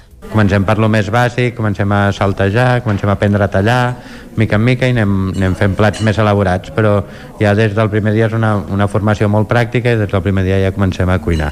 N'hi ha molts que potser venen i no saben ben bé si serà la cuina el seu, el seu futur o la seva branca laboral i de seguida que comencen a practicar i veuen que els hi surten plats i que se'ls poden menjar i estan bons, però els agafa molt el coquet i és, és, un, és una molt bona formació, molt, molt xula, molt agraïda també. Aquest any han afegit temes d'horticultura al mòdul de cuina. D'aquesta manera poden aprendre tots els passos de l'economia circular.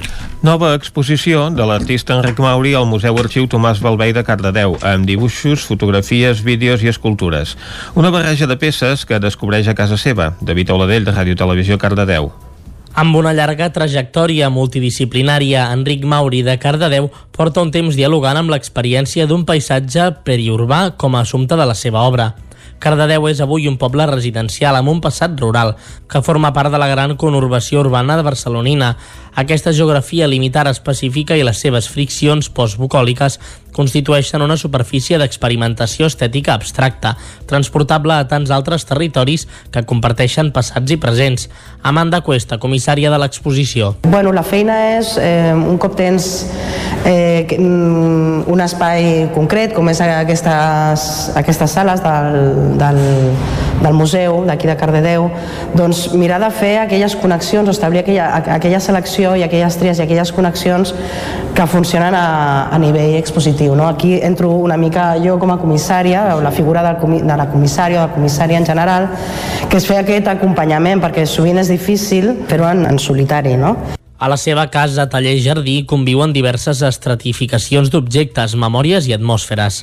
La maquinària i utillatges oxidats dels avis, un bosc animat, escombraries arrossegades en el descuit, un hort salvatge i fins i tot un vell circ, provoquen com en una performance contínua que és un habitat lloc i sorgeixen els últims treballs de l'artista, dibuixos, vídeos, fotografies, escultures i instal·lacions que constitueixen el gruix d'aquest projecte expositiu. I fins aquí el butlletí de notícies de les 10 del matí que us hem ofert amb les veus de Vicenç Vigues, Clàudia Dinarès, David Auladell, Caral Campàs i Isaac Muntades. Ara el que toca és acostar-vos de nou la informació meteorològica.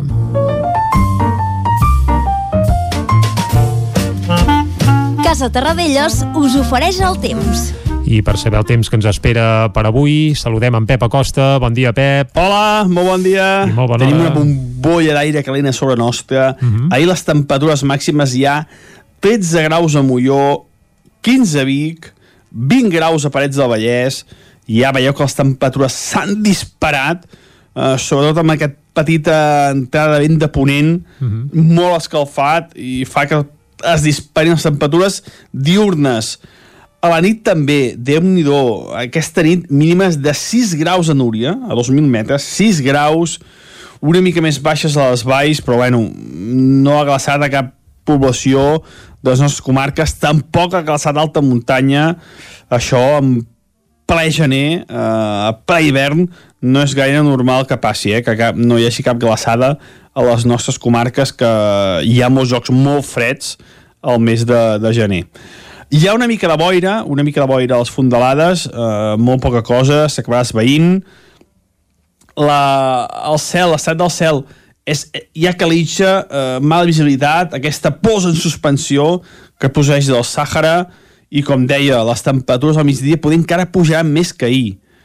Uh, es va fregar els 20 graus en alguna zona del peritoral, avui a més zones es fregarà aquests 20 graus inclús superem els 20 graus, eh?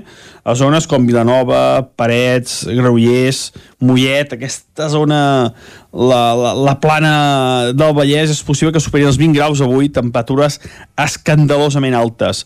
Vents febles, una mica, algun cop moderat de ponent, que és aquest vent escalfat que escalfa encara més l'ambient i que és responsable que les temperatures pugin i pugin durant aquests dies. No hi haurà gaires novetats. Dissabte potser sí que baixaran les temperatures, uh, però bueno, seguirem aquesta boia de calent, aquest anticicló que emergeix del nord d'Àfrica i que ens afecta de ple durant els pròxims dies. Moltes gràcies i a qui agradi aquest ambient suau, a disfrutar-lo i a qui no, uh, és el que hi ha. Mhm. Molt bon dijous, adeu. Vinga, gràcies, Pep. Vicenç, avui gelades en lloc, eh, del territori No, 17. ahir vam explicar doncs, que gran part de la comarca d'Osona es va llevar amb glaçades. Avui ja podem dir que no n'hi ha hagut cap ni una. I amb temperatures realment sorprenents, com els gairebé 11 graus a la castanya, en terme del brull de mínima. Carai. 11 graus de mínima. Això és primavera total, eh? Sí, senyor. Uh -huh. uh, altres punts, com Sant Boi de Lluçanès, Olost, Muntanyola, Tabertet o els cims dels munts del Puigagordi i de Tagamanent, la mínima ha estat de 7 graus. Uh -huh. 6 a Molló, eh, aquesta ja és eh, més habitual, a Núria 4, Ullater 2 de mínima, a Sant Sadurní d'Usurmort una mínima d'un grau i mig, per tant no ha glaçat, després de dies de ser el poble on feia més fred, Uh -huh. cosa que eh, doncs aquesta vegada no ha passat. Avui no ha estat el poble més fred, sinó que a Sant Pau de Segúries o a Camprodon doncs han baixat fins a, al grau positiu. Molt bé, doncs fet aquest repàs de temperatures, fem ara una breu pausa i de seguida anem cap a l'entrevista. Avui anirem al Museu Etnogràfic de Ripoll. Fins ara. Casa Tarradellas us ha ofert aquest espai. Territori 17. Envia'ns les teves notes de veu per WhatsApp al 646 079 023. 646 079 023. WhatsApp Territori 17.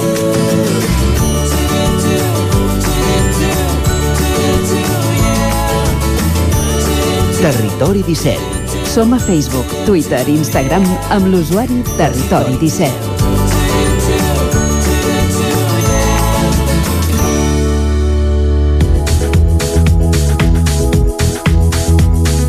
Ara mateix és un quart d'onze. A finals del mes d'abril de l'any 2003 es va inaugurar l'escriptòrium de Ripoll, que es va situar a la capella de l'antic edifici de l'hospital, a la confluència entre el Raval, el mateix nom amb els carrers Progrés i Honorat Vilamanyà. El projecte Scriptorium consisteix en l'exposició de 21 caplletres encarregades al mateix nombre d'artistes d'arreu del pa dels països catalans, però també ha servit per experimentar amb l'art de l'escriptura, la cal·ligrafia, les tipografies o la fabricació dels llibres. En el transcurs d'aquest any 2021 està previst que l'escriptòrium canvi d'ubicació i es traslladi al Museu Etnogràfic de Ripoll. Ens ho explica des de la veu de Sant Joan l'Isaac Muntades. Bon dia, Isaac. Bon dia, Vicenç. Doncs sí, per parlar d'aquesta reubicació de l'escriptòrium tenim al telèfon a la directora del Museu Etnogràfic de Ripoll, la Roser Vilardell, que ens explicarà una mica què suposarà aquest canvi després de gairebé doncs, dues dècades a l'edifici de l'antic hospital. Bon dia i moltes gràcies per atendre'n, Roser. Bon dia a vosaltres. Primer de tot, Roser, on ubicareu l'escriptòrium a, l'edifici del Museu Etnogràfic? Perquè no sé com, com és aquest espai i per què heu decidit doncs, fer, fer aquest canvi d'ubicació.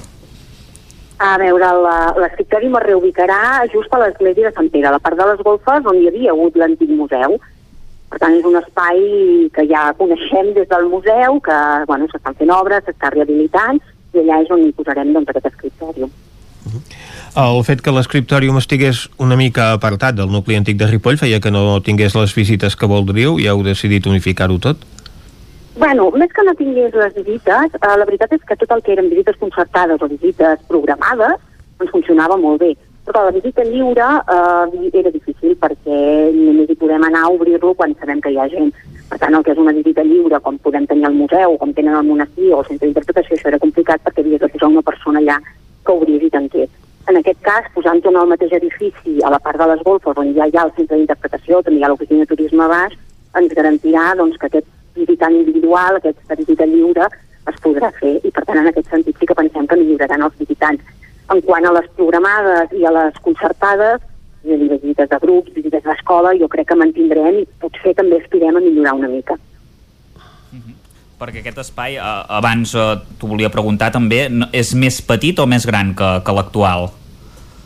És diferent. És, jo diria que és un cel més gran, no massa, però la distribució és diferent. Ens permet tenir una exposició molt més lineal, que també ens va bé, ens permet tenir part de treball o una part física de, del propi escriptori on també es podrà fer alguna pràctica de cal·ligrafia i a més a més el taller on habitualment ja fem doncs, els tallers, les pràctiques i tot plegat.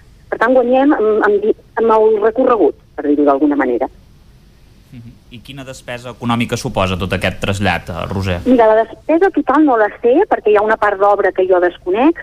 Sé que la part de museografia són uns 150.000 euros, però eh, una part important de tota la despesa general, global, la d'obra i la de museografia, és subvencionada per un FEDER que s'ha demanat um, a través de Diputació de Girona, amb diferents museus, diferents poblacions que justament han eh, optat per això, per, per reformar museografies. I a part de Ripoll i el museu, doncs també hi ha el museu de Palafrugell i el museu d'Arbúcies i algun altre, que ara mateix no recordo. I quanta gent visita l'escriptòrium cada any? No sé si hi ha un tipus de públic molt concret i si ara doncs, voleu eh, treure un tipus de públic nou.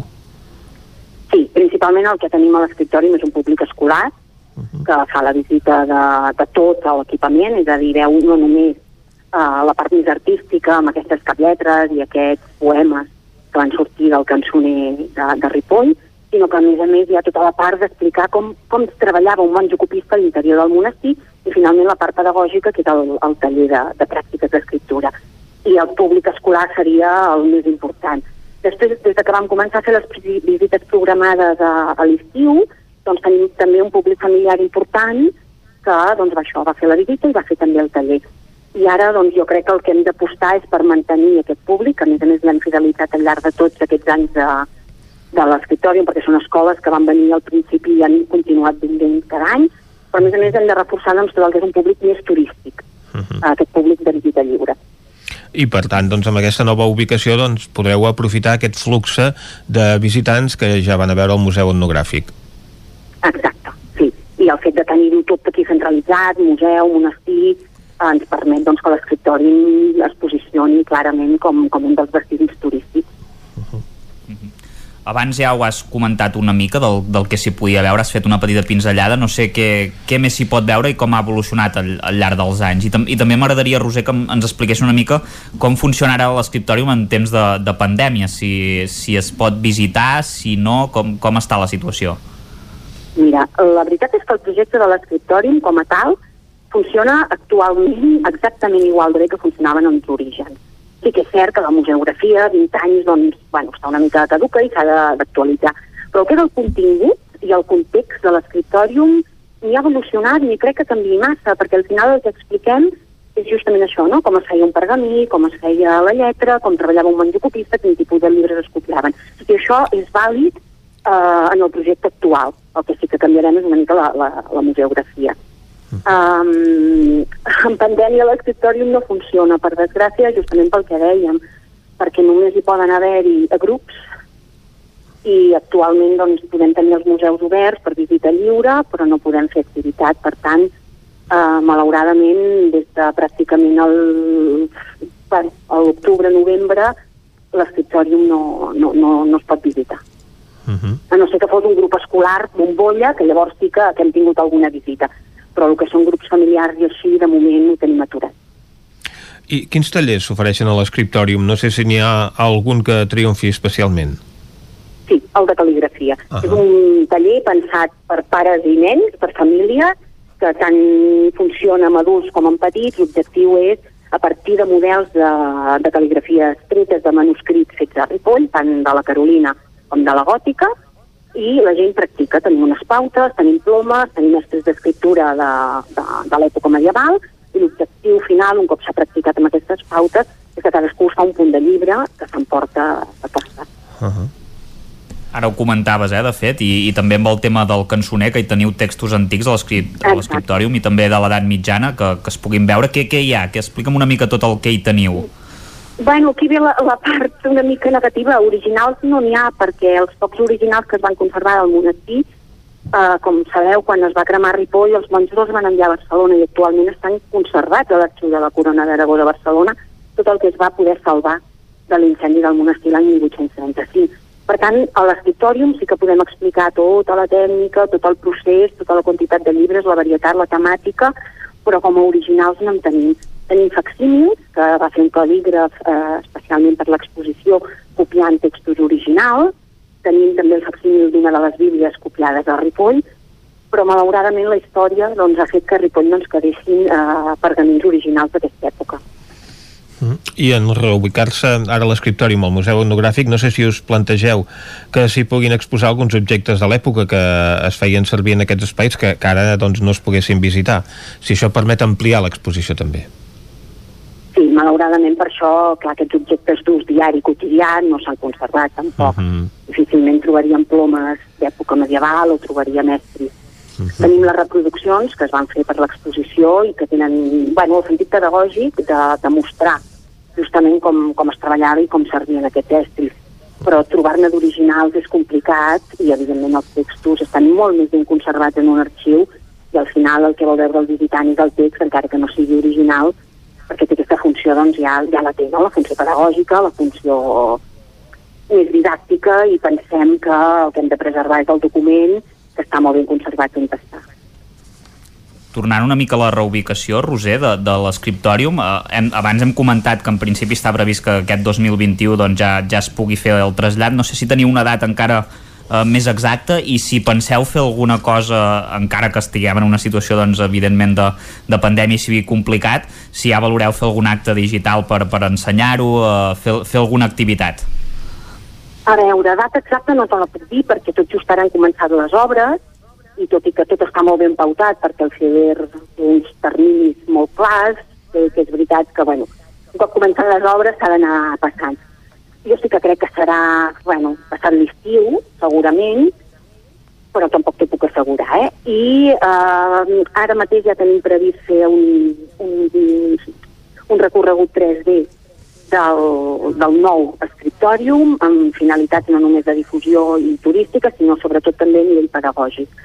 Eh, semblant al que tenim del museu, que al llarg del recorregut doncs, hi ha activitats, perquè els nens puguin anar treballant i coneixent doncs, l'espai, doncs la mateixa idea amb l'escriptòrium sí que està sobre la, mà, sobre la taula. Però també és veritat que hem d'esperar a tenir-lo acabat per poder fer aquesta, aquesta part. I tota la resta d'activitats, aquest any està tot molt bueno, sobre el paper i a l'espera de què es podrà fer i què no es podrà fer.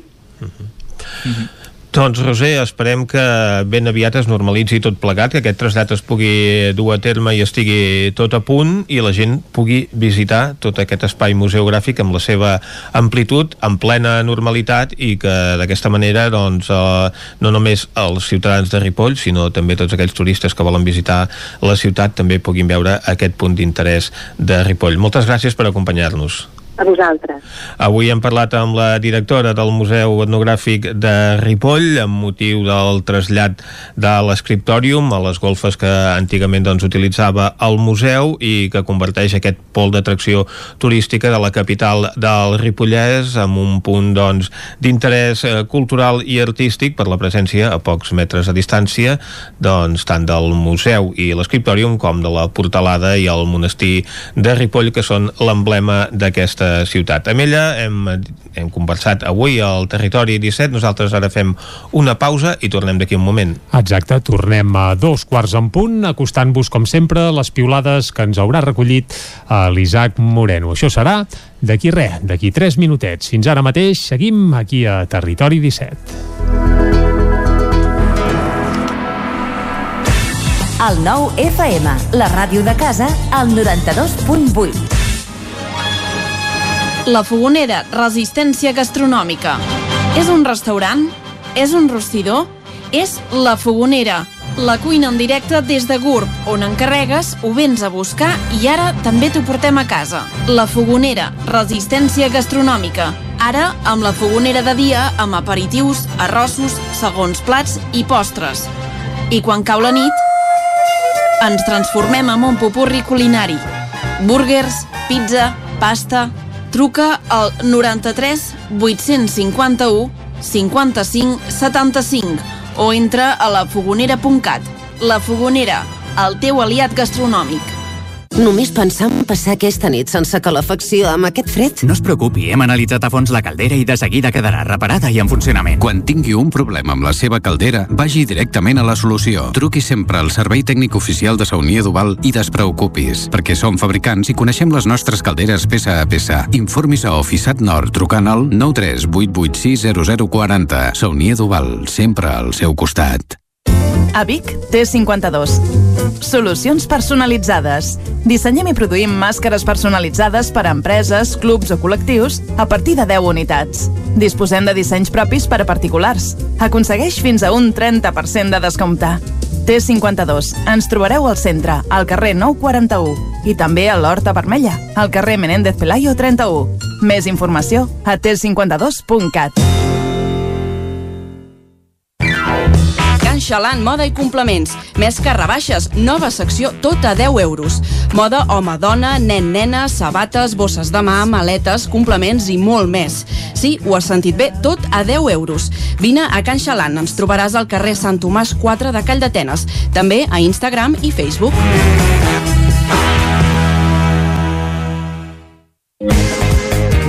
C Cosmètics, el vostre distribuïdor de perruqueria i cosmètica bio de la comarca, us agraeix la confiança de tots aquests anys i us convida a visitar la nova botiga online www.ccosmetics.net us obsequiem amb un 10% de descompte en la vostra primera compra. També podeu recollir les vostres comandes al carrer Nord, número 2, Baixos de Vic. I ara, nou servei d'articles anticovid, dirigit a empreses. Us hi esperem. Anuncia't al 9FM. La màquina de casa. 9 3 8 8 9 4 9 4 9. Publicitat arroba al 9FM.cat. Anuncia't al 9FM. La publicitat més eficaç. La ràdio de casa al 92.8. El 9 FM.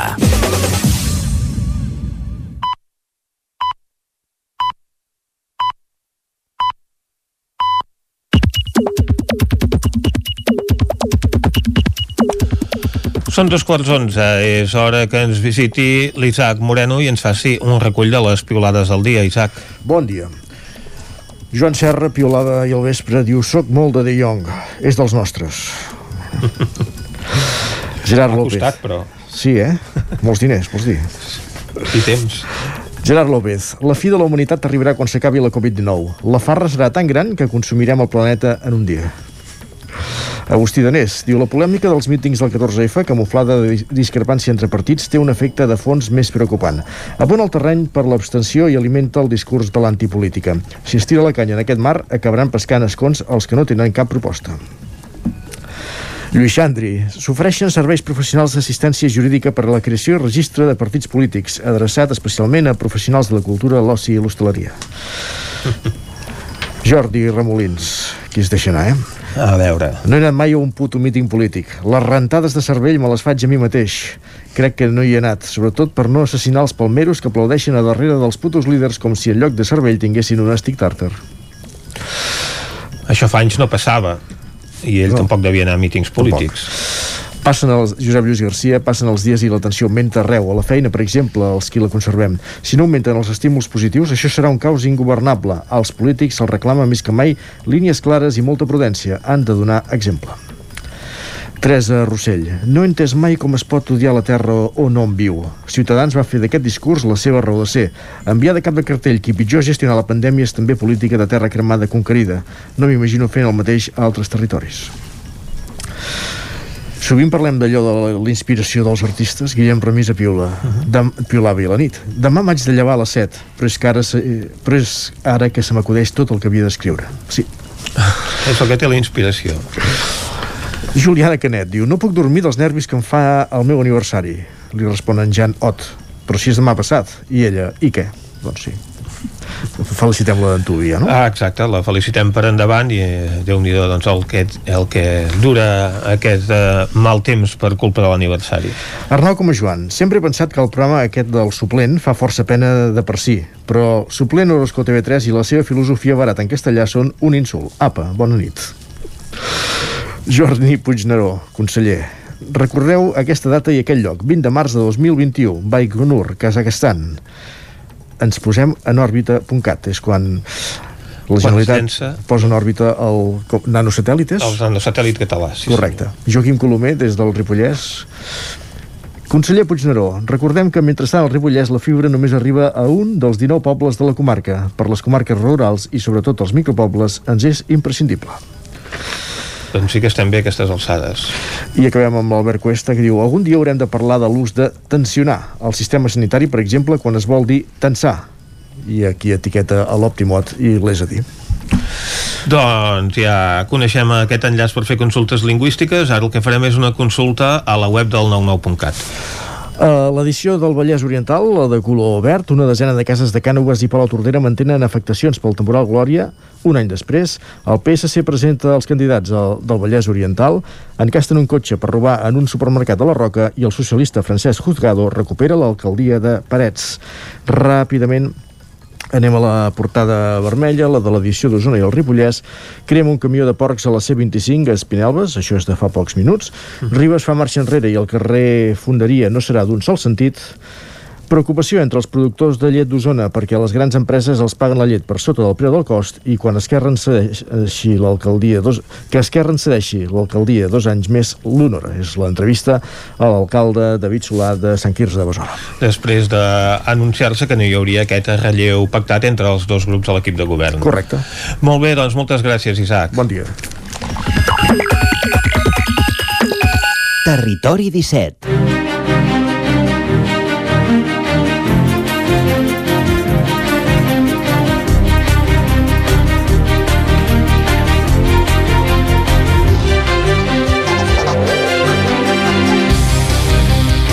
Ara és hora de la taula de redacció al Territori 17 i avui ens acompanyaran en aquest espai en Guillem Rico i la Txell Vilamala.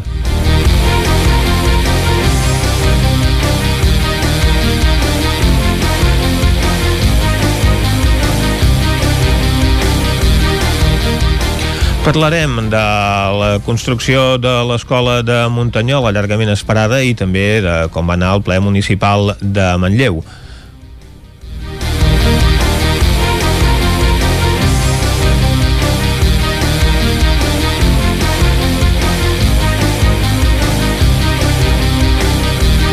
Comencem eh, parlant d'aquesta sessió ordinària de l'Ajuntament de Manlleu, Txell Vilamala, quins són els temes que es van tractar, com va anar aquest ple? Bon dia, Vicenç. Exactament, dimarts hi va haver ple a l'Ajuntament de Manlleu, un ple tranquil. A l'ordre del dia no hi havia punts de calat i, de fet, eh, la sessió va durar poc més d'una hora, eh, que pel que estem acostumats, doncs realment va ser una mica més breu del que, del que seria habitual. Temes eh, que es van tractar, eh, com comento, a l'ordre del dia no hi havia cap punt que sigués transcendent, sí que hi va passar una modificació de pressupost que puja gairebé a 2 milions d'euros. A dins d'aquests diners eh, hi ha... Ja d'entrada, això, eh? 2 milions d'euros, què et sembla? Sí, sí. Home, són molts diners, Molts diners. sobretot perquè tot just han passat unes setmanes de l'any i ja estem modificant els comptes. Uh, a Manlleu l'oposició et diria que és una pràctica molt habitual que hi hagin modificacions de pressupost gairebé uh -huh. a tots els plens, de fet és una crítica recurrent de l'oposició perquè es queixen que amb aquest sistema el que acaba fent el govern és elaborar un pressupost encobert uh, que al seu moment hi ha punts que no es debaten perquè no estan inclosos al pressupost i que llavors uh, s'acaben passant d'aquesta manera i per tant el govern acaba fent i desfent cosa que també recordem en el cas de Manlleu hi ha majoria absoluta perquè hi ha una, un acord de govern entre Esquerra i Junts per Catalunya i per tant tenen una majoria molt àmplia al consistori. Uh -huh. En el cas d'aquest dimarts, eh, la modificació de 2 milions d'euros incluïa els 850.000 que es destinaran a les obres de reforma de Camp Puget, unes obres molt importants per l'Escola Municipal de Música, que aquest any fa 40 anys. Eh, també hi ha una modificació, tot i que no varia l'import, eh, per poder arribar a construir aquesta comissaria de la policia local, que també és una obra llargament reivindicada eh, pels agents de la comissaria, per l'estat en què estan actualment a les dependències a, als baixos de l'edifici municipal i altres eh, modificacions menors. El PSC i la CUP, que estan a l'oposició, com et comentaves, van queixar novament que no és la manera de procedir, que ells voldrien fer un debat sobre cadascun dels punts que figuren en, en, aquestes, en aquestes modificacions, però de tota manera el punt eh, va prosperar malgrat la seva abstenció amb els vots a favor de l'equip de govern i el regidor no adscrit. Entorn de pregs i preguntes hi va haver un parell de temes interessants. Uh, D'una banda, Aquí al Territori 17 ens hem fet eco també eh, d'aquesta denúncia de la Fiscalia a la planta de compostatge de Ferbosa, que recordem eh, que es dedica a tractar restes de la indústria agroalimentària, també per exemple de les granges d'Osona, eh, genera molts mals de caps a Manlleu, sobretot en forma de pudor, afecta sobretot el barri de Gràcia, i ara la Fiscalia l'està investigant per uns vessaments contaminants en un camp que hi ha tocada a la planta, uns vessaments de lixiviats. Això eh, va, va entrar al ple de Manlleu, el Partit Socialista va demanar a l'equip de govern si té intenció de presentar-se com a acusació particular eh, en aquest cas que ha iniciat la Fiscalia. Uh -huh. eh, ells es queixaven que ja fa molts anys que Ferbosa ocasiona mal de caps al municipi, com dèiem ara amb les pudors, i que és una oportunitat eh, perquè el govern també marqui perfil i demostri que vol que aquesta empresa faci les coses com, com toca.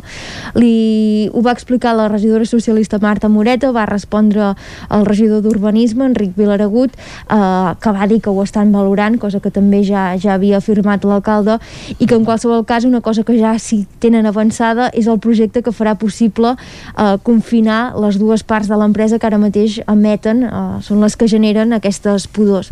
Això també ho havíem explicat aquí al Territori 17 i és que ja fa gairebé 3 anys que l'empresa i l'Ajuntament estan en negociació per poder tapar eh, les zones que ara es considera que són les que generen eh, aquestes, aquestes pudors. Per tant, d'una banda sí que s'hauria avançat, veurem si com demana l'oposició al govern eh, s'acaba presentant com a acusació particular, tot i que el ple de dimarts mm, la sensació va ser que almenys immediatament no té intenció de fer-ho. I un altre tema que jurídicament també caldrà seguir és el que fa referència al conflicte de la Devesa. Eh, recordem que aquest espai l'Ajuntament una part el va expropiar al propietari, Uh, és un tema molt conflictiu perquè el propietari no accepta aquesta expropiació, uh -huh. ha presentat al·legacions a tots els, els organismes que han anat deliberant en aquest sentit i l'Ajuntament, de fet, va col·locar unes tanques de fusta, uns pals de fusta per delimitar l'espai que és privat i l'espai que ha passat a ser públic, uh -huh. uh, però aquest senyor els ha arrencat Carai. i, per tant, s'ha tornat a fer amo, si em permeteu l'expressió col·loquial, uh, d'aquest espai. Per tant, eh, això també va fer que l'oposició demanés al govern si emprendran alguna mesura, perquè deien que no hi pot haver aquesta impunitat, que ja és una persona eh, que altres vegades eh, també eh, ha operat de la seva voluntat sense fer cas de la llei i exigien que el govern prengui alguna mesura que sigui contundent i que realment permeti als manlleuencs i manlleuenques doncs, disposar d'aquest espai a la riba del Ter. En aquest cas, l'alcalde Àlex Garrido va recordar que altres vegades eh, la brigada municipal s'ha trobat en situacions molt tenses d'amenaces quan, han anat, quan han anat en aquesta zona, que hi ha hagut també alguna necessitat de cridar a la policia local i que ell mateix eh, s'ha sentit intimidat per part d'aquesta persona, que no volen fer cap més actuació dràstica d'anar allà i posar en perill la seva pròpia seguretat i que el que estan fent és presentar tota la, eh, preparar tota la documentació per poder eh, arribar a un judici penal eh, contra aquest senyor i resoldre d'una vegada per totes tots aquests continu de perjudicis uh -huh. eh, de fet, aquest és un tema que apareix molt recurrentment al ple perquè, com diem, des de que es va expropiar la Devesa eh, eh, pràcticament eh, no s'hi ha pogut accedir perquè sempre eh, hi ha una alla una ceba uh mhm. -huh. que, que impedeix això que els manlleuencs puguin fer aquesta volta circular que preveia l'Ajuntament al, al, al voltant del riu i del, i del passeig del Ter. Van ser els dos temes potser eh, més destacats del ple, també es va demanar eh, per les factures que presumptament Sorea hauria cobrat de més els mesos de confinament, això ho va demanar la CUP. Llavors l'Enric Vilaragut també eh, va destacar que sobre el POUM, que recordem que Vic i Manlleu el van començar pràcticament al mateix moment i Vic ja el té aprovat uh, definitivament. Uh, Manlleu en tenia un d'aprovat inicialment però ha de fer marxa enrere per una qüestió de les inundabilitats i la relació amb l'ACA doncs en aquest cas el regidor d'Urbanisme, Enric Vilaragut, va explicar que ara tenen la documentació molt a punt, que uh -huh. eh, va dir literalment que tancaran els tècnics dues setmanes a casa seva perquè treballin a fons amb el POUM i confien que aviat pugui passar per pla com a mínim aquesta aprovació inicial per uh -huh. seguir avançant, perquè realment és un tema molt i molt feixuc. Sí, eh, les aprovacions dels plans urbanístics doncs, són molt dilatades en el temps i en el cas de Manlleu s'ha encarat moltíssim. Moltes gràcies, eh, Txell. Nosaltres ara canviem de temàtica. Anem a parlar amb en Guillem Rico i amb ell doncs, volem eh, parlar de les obres de la nova escola de Muntanyola. Guillem. Bon dia. Doncs sí, les obres van començar la setmana passada. D'entrada sembla que es va dins els darrers terminis que, que es van anunciar a l'estiu quan la, el conseller d'Educació, Josep Baragalló, va, va visitar Muntanyola precisament per aquest tema van començar la setmana passada i això vol dir que es comença a veure la llum al final del túnel per posar fi a aquesta provisionalitat que dura des de que va obrir el centre l'any el curs 2007-2008 eh, des de llavors estan en uns mòduls prefabricats amb un solar proper eh, on tenen la llar d'infants també i després aquest nou edifici es comença a construir en un espai que ja tenien reservat que també que quedarà al costat de, de la llar d'infants per tenir aquests equipaments eh, tots junts, diguem, no? al, mateix, al mateix espai. Um, les obres uh, finalment valdran 1.207.000 euros i mhm. calculen que durin entre 10 i 12 mesos. Per tant, l'alcalde Carles Morera deia que segurament doncs, d'aquí un any ja es podria fer aquest, aquest trasllat. Si les obres poden acabar abans de Nadal, doncs ja els alumnes eh, en altres ocasions, per exemple, l'escola de Can de Bànol, eh, que era una de les últimes que ha obert, o l'escola Milita Teixidor eh, es van fer els canvis a, a mig curs, per exemple uh -huh. no, crec que van ser en els dos casos diria que va ser per, per Setmana Santa, si no m'equivoco i eh, a Can de Bànol segur a, a Roda tinc dubtes de si va ser a principi de curs o, o va ser també eh, a mig curs però bé, que es podria fer aquest canvi a mig curs que no cal esperar que hi hagin que hi hagin les vacances d'estiu pel mig. Uh -huh. uh, llavors, un cop hi hagi això, doncs, adequaran l'espai que ara ocupaven els mòduls com a, com a pati, com a zona doncs, uh -huh. uh, per, per utilitzar en el municipi. Uh, aquests... es desmantellaran aquests mòduls. Exacte, es trauran i s'aprofitarà l'espai perquè uh -huh. s'integri. Um, uh, la, la Generalitat els hi finança un 85% de les obres, però d'un milió d'euros, no, de, no de la totalitat. Per què? Doncs perquè des de l'Ajuntament van demanar algunes millores en el projecte que han fet uh -huh. eh, que hi hagi aquest pico, diguem, aquests 207.000 euros, eh, amb temes de materials perquè ells els hi van fer com un els hi feien un centre més prototipus que podria anar més o menys a qualsevol lloc i el que han fet és canviar alguns materials per adaptar-los a l'entorn, de tenir pedra de tenir fusta, mm -hmm. perquè s'integri més amb l'arquitectura la, de, del municipi, també perquè volien un edifici sostenible també hi ha la instal·lació de plaques, plaques solars d'autoconsum i per tant això ha encarit eh, aquest, aquest projecte. Per tant, la Generalitat finança 850.000 euros, la resta eh, també n'hi ha 223.000 que obtenen amb, amb uns ajuts de la Diputació i llavors també, no sé si us recordareu que l'estiu precisament quan va venir el conseller eh, es va anunciar això, que l'Ajuntament va posar a la venda 10 parcel·les del municipi per, per treure diners per pagar part de l'escola i, i també eh, altres projectes que, mm. perquè, que volen portar a terme. De fet, aquestes parcel·les ja les han venut i, per tant, doncs, tenen més finançament de, del que, de la part que ha d'afegir el consistori, que serien uns 197.000 euros són eh, els que han mm-hmm. d'afegir des de, pròpiament de, amb recursos propis de l'Ajuntament.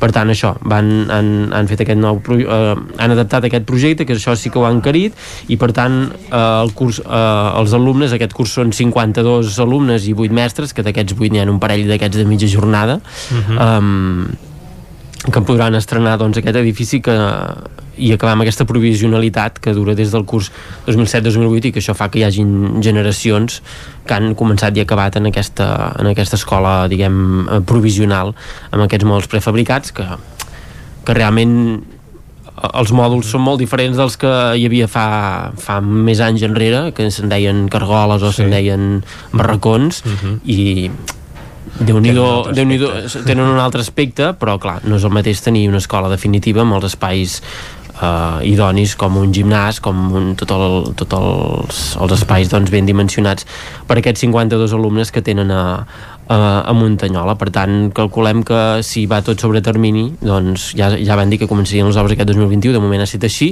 Ara estem pendents d'altres obres que ja hem que també han de començar aviat, com és les de l'Institut de GURB, que també estan en mòduls prefabricats des de que van obrir. Uh. -huh. Per tant, eh, entenem que en les properes setmanes haurien de començar ja aquestes obres també de GURB.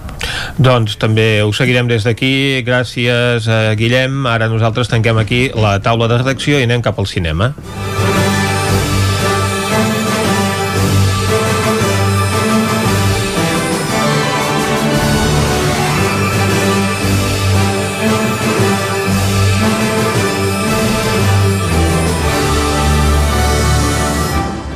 Qui ens porta sempre cap al cinema és la nostra companya Núria Lázaro de Ràdio Cardedeu, o sigui que anem a parlar amb ella. Bon dia, Núria, què ens tens preparat avui?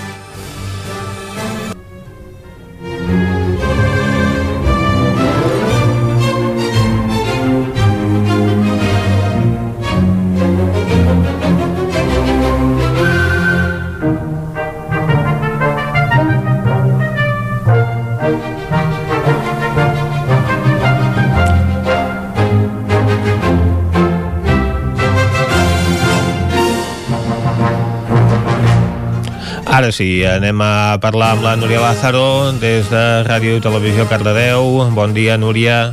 Doncs avui fem un repàs de les comèdies que venen aquest 2021 i és que el 2020 ens ha donat moltes raons per necessitar bones sessions cinèfiles plenes de rialles i sentit de l'humor.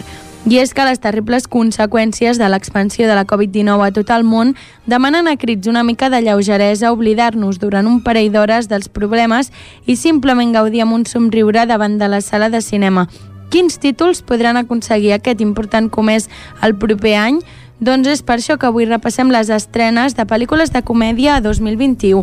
Ara bé, està clar que quan separem per gèneres sempre ens enfrontem a algunes dificultats. És molt difícil trobar una pel·lícula purament d'un sol gènere. La realitat és que hi ha comèdia en pel·lícules d'acció, romans o fins i tot terror, però és per això que he intentat recopilar aquelles produccions on el que més destaca és el component humorístic. Arrête de me filmer, c'est quoi ce nouveau délire Je me fais des souvenirs. Pourquoi Pour quand tu seras parti. Tu sais qu'elle est acceptée, ta sœur Où? Bah, au Canada. Ah cool, c'est bien. Non, mais elle va te manquer, hein, crois pas, hein. Maman, arrête de filmer. Et moi, pourquoi tu me filmes pas Oh, la fatigue. C'est juste que quand t'es parti, il m'en restait deux à la maison. Là, elle part, je suis toute seule. C'est pas tellement Doncs comencem amb Mi Niña, que de fet s'estrenarà aquest cap de setmana, on l'Eloís, mare de tres fills, veu com la més petita acaba de fer 18 anys i es disposa a abandonar la llar per estudiar a Canadà. Això de deixar que els pollets abandonin el niu és molt dur i la directora Lisa Azuelos ens mostra aquest estrès amb situacions divertides.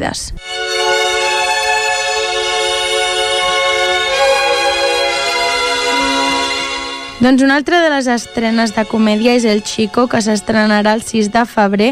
El clàssic de Charles Chaplin tornarà a estrenar-se a la gran pantalla aquest 2021 i no podia arribar en un millor moment. La primera de les grans pel·lícules de Chaplin va poder veure per primera vegada el 6 de febrer de 1921 i exactament 100 anys després podrà gaudir-se de nou en pantalla gran en una versió restaurada en 4K.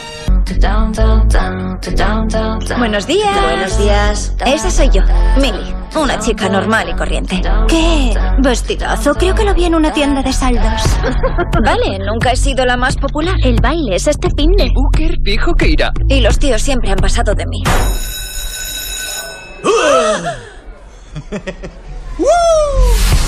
El 19 de febrer s'estrenarà Este cuerpo me sienta de muerte. Podríem classificar aquesta pel·lícula en el gènere de terror, però la veritat és que essència de comèdia no li falta. Va ser tot un èxit als Estats Units, la pel·lícula de Christopher Landon fa el seu propi Posa't al meu lloc, però amb un gir. Són un assassí en sèrie, el Vicent Vaughn, i un adolescent, la Catherine Newton, els que intercanvien els seus cossos i tenen menys de 24 hores abans que el canvi sigui permanent. Debes prestar atención a mis últimas palabras en vida, hijo. Ahora, tú serás el rey. Pero el trono deberá pasar... El 5 de març a Amazon Prime s'estrenarà El rei de Zamunda. El príncep Akem està a punt de ser coronat rei, però haurà de viatjar novament fins a Nova York per trobar el que pot convertir-se en el successor del regne de Zamunda. Eddie Murphy torna a protagonitzar aquesta seqüela tardia dirigida per Craig Weaver i que s'estrenarà directament en streaming. No sé qué es mejor, si estar aquí o no estar aquí. Si es de más hombre, aguantar los golpes de este malfario que te da la vida. O morirse. El 26 de març s'estrenarà El Triunfo, guanyadora del Premi a Millor Comèdia als Premis del Cinema Europeu.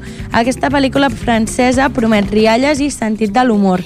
Segueix a l'Etni, en Cadmeran, un actor en atur que dirigeix un taller de teatre en una presó on aconseguirà reunir un grup d'interns per representar Tot esperant Godot de Samuel Beckett.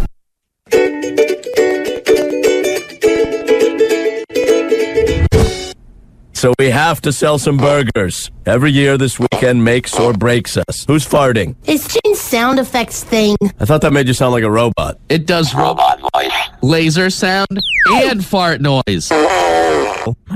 A l'abril, el 9 d'abril, s'estrenarà Bob's Burger, la pel·lícula. La sèrie animada creada per Lauren Bouchard tindrà una pel·lícula aquest 2021 per Bouchard, que no ha deixat anar encara peces sobre l'argument. La història ha de tocar tots els temes que hem vist a la sèrie, però també afegir novetats. A més, el més important és que els seus personatges visquin en una aventura èpica.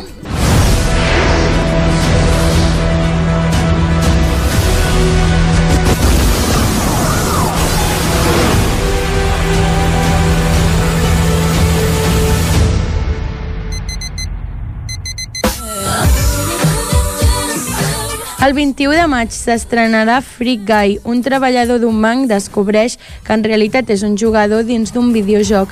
Aquesta és la premissa d'aquesta comèdia protagonitzada per Ryan Reynolds, dirigida per Sean Levy, productor de Stranger Things, que promet ser un trencarralf en carn i ossos que esprem tot el carisma de Reynolds.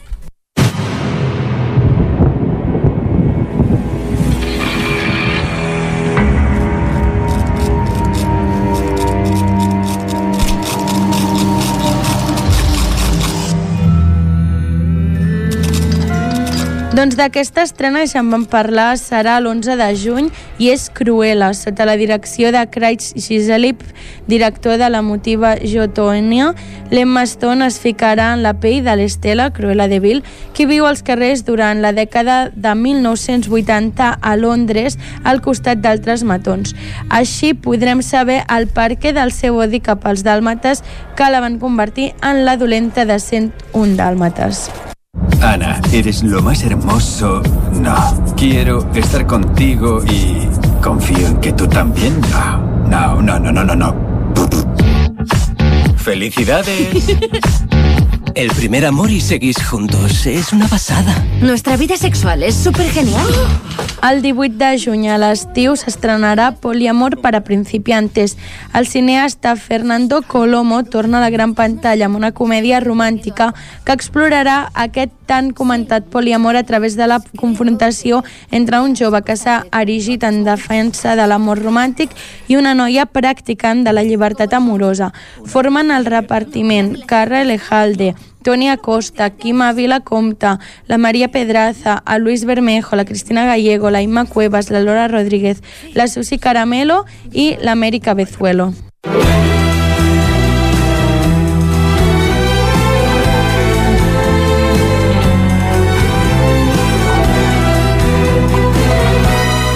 Me gusta ver el mundo como un lugar armonioso. ¿Estás trabajando? Finjo hacerlo. No tienes que recordarme que soy vieja. El gran premio. El 25 de juny s'estrenarà Una villa en la Toscana. Van viatjar a la Toscana amb Liam Neeson, que interpreta un artista londinenc que viatja a Itàlia amb el seu fill, el Michael Richardson, per vendre la casa que van heretar de la seva difunta esposa i mare. Però cap dels dos esperava trobar una preciosa vila que podria ser la solució a la seva malmesa relació, dirigida per James Dyer. Necesito un billete. ¿De dónde? Para casa. Viene a casarse. Uy, qué va. Esa la dejo en el altar, mira la cara. En 3, 2, 1, música. Eres bailarina. Soy director de las noches de Rosa. Que no soy bailarina. Ningún bailarín. Trobarem comèdia espanyola 2021 en pel·lícules com aquesta de l'Anna Jeffers amb García i García que s'estrenarà el 16 de juliol que compta en el seu repartiment amb José Mota, Pepe Villuela, Eva Ugarte, Jordi Sánchez i Jesús Vidal, entre d'altres.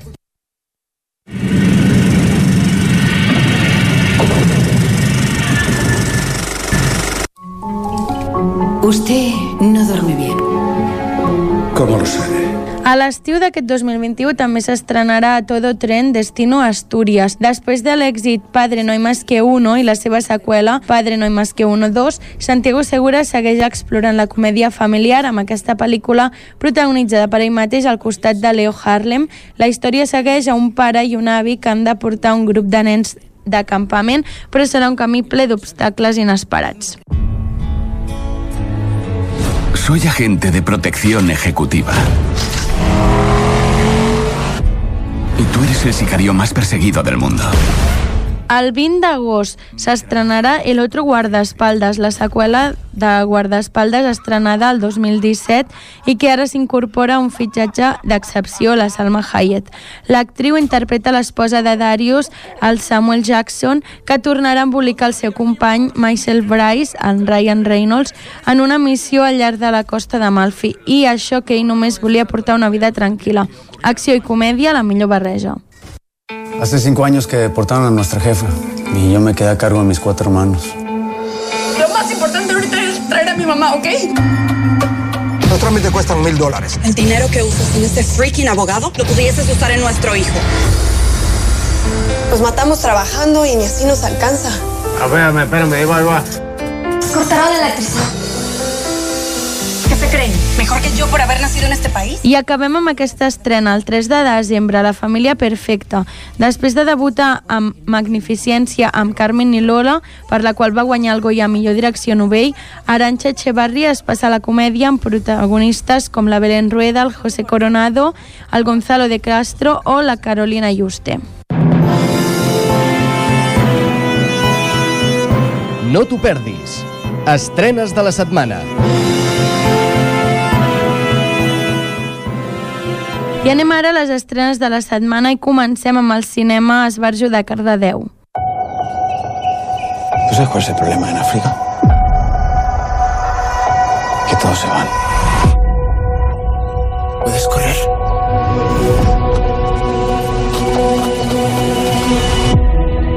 Maestros, políticos, enfermeros. Los asaltos a la valla son siempre jodidos. Hay mucha gente que no entiende qué hacemos aquí. Avui, dijous 28 de gener, hi haurà Adu, una pel·lícula dramàtica de Luis Tosar i l'Anna Castillo, que n'hem parlat diverses vegades a la secció de cinema, en un intent desesperat per arribar a Europa i amagats davant d'una pista d'aterratge al Camerún, un nen de 6 anys i la seva germana gran esperen per colar-se en els cellers d'un avió. No massa lluny, un activista mediambiental contempla la terrible imatge d'un elefant mort i sense ullals. No només ha de lluitar contra la casa furtiva, sinó que també haurà de retrobar-se amb els problemes de la seva filla acabada d'arribar d'Espanya. Milers de quilòmetres al nord, a Melilla, un grup de guàrdies civils es prepara per enfrontar-se a la furibunda multitud de subsaharians que ha iniciat la sala a la tanca. Tres històries en què cap dels seus protagonistes sap que els seus destins estan condemnats a creuar-se i que les seves vides ja no tornaran a ser les mateixes. Due to unexpected weather conditions, all flights domestic and international have been canceled. Yeah, sure, he can stay in your room. I mean, I'm practically chained to my desk doing work anyway, so I'll be here. Yeah, no worries. Marcos? Hi. That's oh, that's a Spanish thing. Two, Two kisses, right. Claire says you guys know each other from college? College, yeah, yeah. She said you make movies. Yeah, it's a dog. What's it about? It's about gay sex and oh. dicks. Okay. Yeah. She seemed really excited about this. Two gay guys in one house. Hi, honey. Hi. You blew him. No. You kissed him. No. Are you a virgin? Well, I don't believe in monogamy, so cheating makes no sense. I feel like I've yet to meet someone that can look me in the eyes and say monogamy makes I l'altra estrena d'aquest cap de setmana al cinema Esbarjo de Cardedeu, que serà aquest divendres 29, dissabte 30 i diumenge 31 de gener a Stormy Night, una pel·lícula del David Moragas en versió original en anglès subtitulada en castellà, ambientada a Nova York, una nit de tempesta, un vol cancel·lat, on l'Alan es veu obligat a cedir una habitació de casa seva al Marcos, l'amic d'una amiga que s'ha quedat a terra.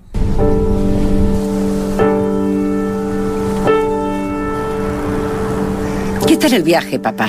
¿Mm? Oí que había mucha nieve en Chicago. Yo no vivo en Chicago. Fuiste tú quien me pidió que fuera a buscarte.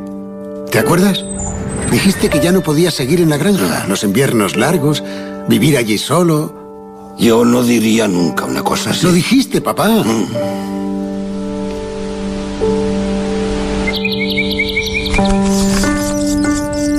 Os queréis aprovechar de mí porque creéis que he perdido la cabeza. Pero no es así. A la mierda. Al Casal Camprodoní aquest cap de setmana tindrem Falling amb la direcció de Viggo Mortensen, guió de Viggo Mortensen, música de Viggo Mortensen i Viggo Mortensen com a protagonista. Silah sesleri susmuyor. Gece gündüz devam ediyor. Bazen de silah sesleri susardı. Siperlerimize çekilip sigaralarımızı içerdik, mektuplarımızı okurduk. Bana Berivan yazardı mektup çocuklar. İnsan kime mektup Al cinema de Ribes de Freser, amics del cinema de la Vall de Ribes, aquest cap de setmana, dissabte, a les 7 de la tarda, hi haurà Rauf. El Rauf té l'esperança de guanyar-se la noia dels seus somnis i una cosa més major que ell, la Zana, amb l'ajuda del color rosa. Però a què s'assembla el rosa de totes maneres? Serà capaç de trobar-ho en el petit poble curt, cobert per la neu i situat a la part alta de les muntanyes? Mentrestant, rumors inquietants es propaguen des del món exterior. Una pel·lícula de 2016 que va guanyar el premi a l'EFA Young Audience Award. I aquest cap de setmana al cinema Comtal de Ripoll hi haurà Uno para todos, la pel·lícula de David Verdaguer, Los Crowds 2, Una nova era, i dissabte i diumenge i dilluns a la tarda hi haurà Maragall i la Lluna. La Lluna tenia 8 anys l'any 1993 quan l'alcalde de Barcelona, Pasqual Maragall, es va instal·lar a casa seva per entrar en contacte amb el barri de Roquetes, al districte de Nou Barris. 25 anys després inicia una recerca que comença amb el record d'aquells dies i que la porta a descobrir un polític singular fonamental per entendre la transformació d'una ciutat i el present d'un país. Parlant amb familiars coneguts i polítics, la Lluna aconsegueix fer-se un retrat íntim i universal humà, contradictori, vitalista i colpidor de Pasqual Maragall. És una pel·lícula també que, si la voleu veure, també la trobareu al Cinema Sucre de Vic. Aquesta setmana no hi ha cap estrena al Cinema Sucre de Vic, hi ha les mateixes pel·lícules que la setmana anterior i també han inclòs algunes com Maragall i la Lluna, pel·lícules que es van estrenar aquest estiu i que estan fent la seva reestrena i que podeu consultar a la seva pàgina web. Doncs moltes gràcies, eh, Núria. Efectivament, no hi ha estrenes al Multicine Sucre, però hi continua havent cinema a Vic. Nosaltres, ara, quan passen 5 minuts a les 11 del matí, farem una ullada a l'actualitat de les comarques del Moianès, Osona, el Ripollès i el Vallès Oriental. Territori 17, amb Vicenç Vigues i Jordi Sunyer.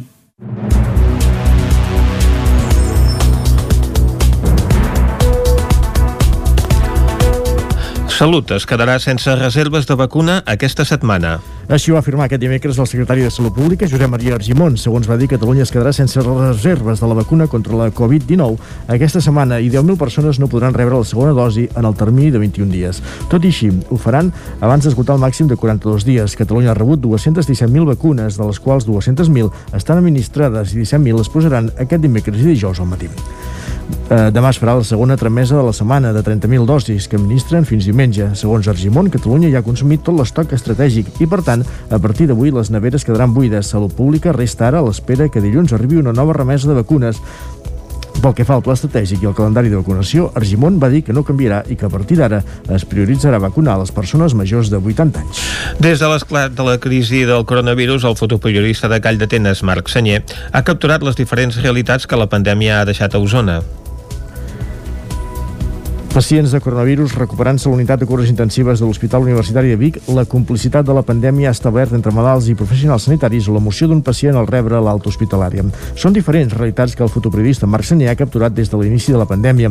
Un dels primers llocs on va poder accedir al passar mes de març va ser l'Hospital de Can Davant, on va poder copsar una situació inèdita, la manca de material principi de tot que no sé si recordeu tots que eh, es va donar el cas de que no hi havia prou respiradors mm. i a l'Hospital de Camp de Bànol es va donar una imatge molt potent que bueno, un pacient que el van haver d'ajudar-lo a respirar amb una màscara d'aquestes del Decathlon des de l'inici de la pandèmia s'ha disparat més de 3.000 instantànies. Assegura que des de llavors s'ha trobat tota mena de reaccions. Uh, de tot, uh, com a tot arreu, gent que entén perfectament el que estàs fent, que és, és una feina i ho hem de documentar, ho hem d'explicar, perquè en un futur tots voldrem saber què ha passat, què hem fet bé, què no hem fet bé i el document, el testimoni, les fotografies que estem fent serviran per, uh -huh. per, per entendre-ho millor i també m'he trobat gent que li costa a vegades d'entendre que, que, que estiguis fent fotos en situacions tan difícils com aquestes. Gran part de les fotografies que ha fet Marc Senyer s'han recopilat en un vídeo que s'està projectant a les escoles de Vic. L'objectiu és conscienciar els infants del perill i les conseqüències que pot suposar la pandèmia. Les queixes dels veïns sobre la gestió municipal de l'aigua per part d'Aigües de Llinàs, que gestiona l'Ajuntament, arriben al ple municipal amb preguntes per part del grup Moviment Alternatiu Llinàs i amb algunes preguntes del PSC que va donar suport al canvi.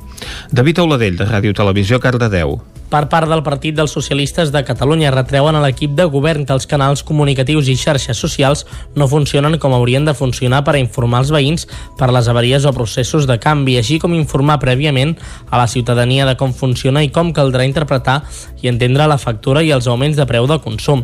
Joan Ramon Bernabé, cap de llista del PSC. S'ha fet un canvi de gestió al qual nosaltres hem donat suport, eh? que ha estat poc i mal informat. Els increments en les factures segueixen sense tenir resposta per part d'alguns dels ciutadans. I estem segurs que molts d'ells, si no tots, tindran una justificació perfectament coherent. Però quan el ciutadà no n'és conscient, vol dir que alguna cosa estem fent malament. El mateix va passar amb el tema de les avaries. La ciutadania va trigar 3 o 4 dies a tenir informació a través de la pàgina, de, de la pàgina web de, del Facebook de l'Ajuntament de què és el que s'estava fent.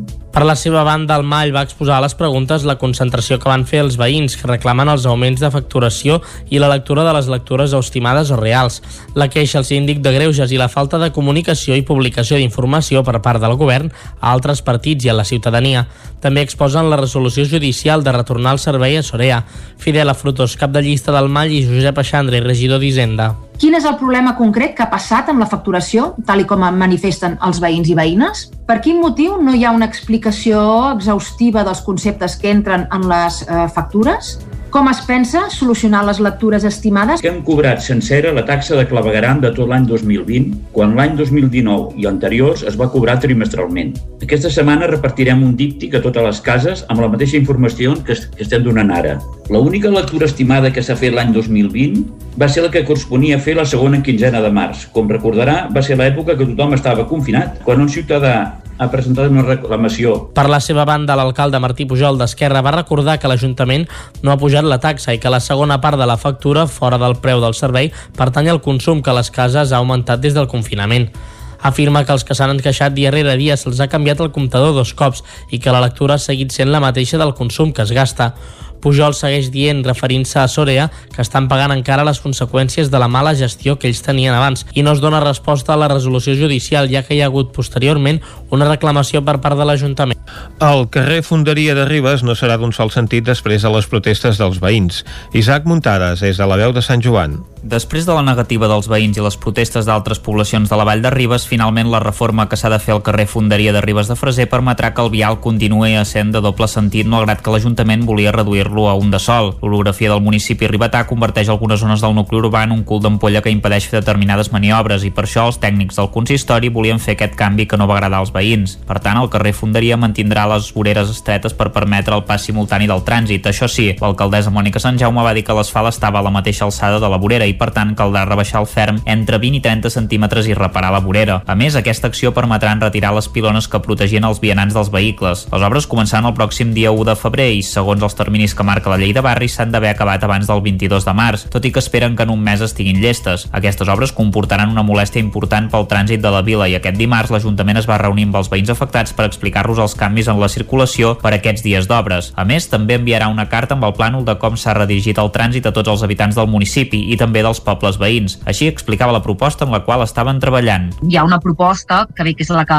que anem treballant i que creiem que és la més assenyada, és que els vehicles de menys de 4 tones passaran per un cantó municipi i en canvi els vehicles de més de 4 tones hauran de fer un altre tipus de circulació. La circulació, ja els hi avanço, eh? estem treballant en la idea de que els vehicles puguin entrar pel carrer Sant Quintí, Major Eres Núria i direcció cap a on t'hagin d'anar, els que van cap a Caralps, cap a Pardines i els que van al centre del poble que es, moguin, que es puguin moure per aquesta àrea. Els vehicles que van a la zona del pavelló, doncs jo crec que el que és més fàcil és que puguin entrar per la carretera de Bruguera i es quedin ja a la zona del pavelló i, torni, i puguin tornar a baixar pel mateix lloc o bé per la baixada del pavelló passejant el Guimarà. La gent que vingui de Caralps o Pardines passarà pels carrers desemparats Bonavista i Urgell i de forma excepcional passarà pel pont que condueix a la plaça del Mercat, que a finals d'octubre s'hi va fer una prova de pes per veure si suportava vehicles de menys de 4 tones. Llavors baixaran pel passeig Àngel Guimarà per anar fins a la carretera. Els camions que no superin els 10 metres de llargada i que siguin rígids hauran de passar per la carretera de Bruguera, el passeig del Taga i el carrer Fontalba. Després de superar un semàfor intermitent, creuaran el passeig de la Margarideta i baixaran a Ribes per girar el pont de la Massana. Tota l'actuació de les obres està licitada per un preu de 140.000 euros i està subvencionada al 75%.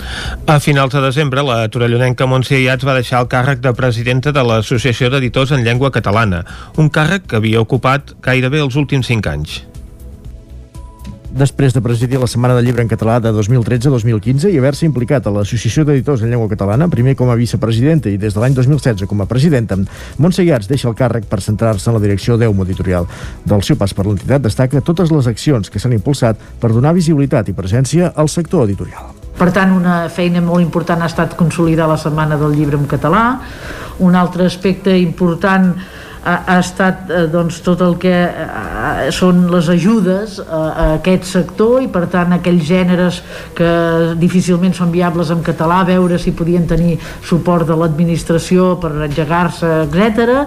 i d'alguna manera doncs, també hem situat l'associació en, en el camp social i cultural com a referents i amb aquesta idea de també de prestigiar la nostra feina un altre dels reptes que es va marcar Iats quan va arribar al capdavant de l'entitat era que el català tingués més presència i arribés a més lectors. Lectors que assegura podrien triar el castellà però que si tenen oferta en català, la trien en català.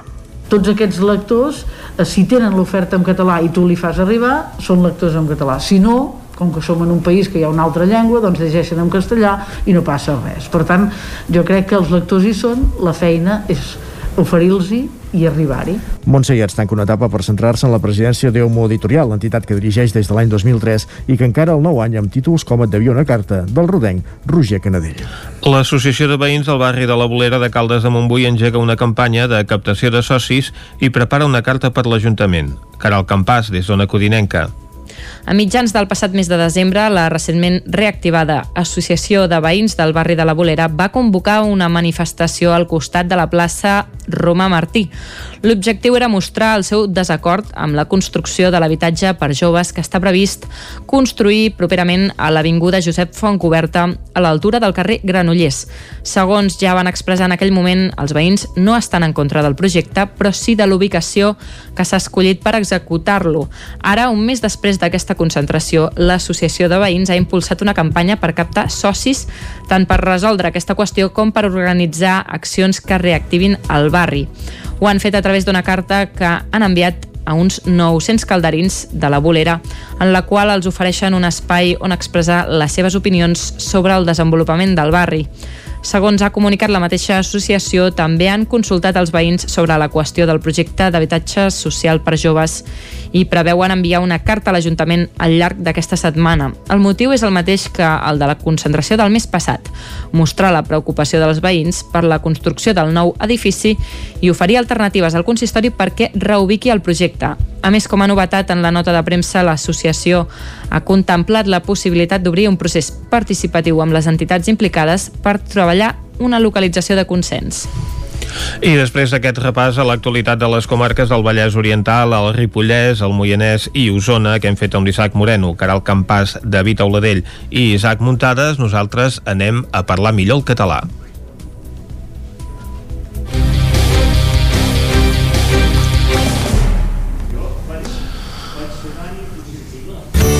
Territori 17. Envia'ns les teves notes de veu per WhatsApp al 646 079 023. 646 079 023. WhatsApp Territori 17.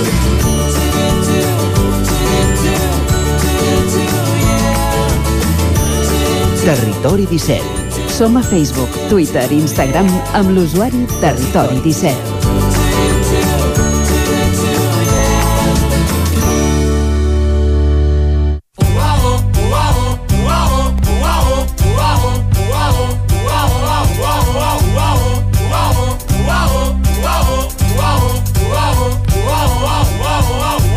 Sobren paraules Passen dos minuts d'un quart d'onze i qui té totes les paraules a punt, qui ens vaccina cada 15 dies contra els barbarismes, és la Cristina Enfruns. Bon dia, Cristina. Bon dia, bon dia. Avui de què parlarem? No, no, no parlarem de la Covid, no?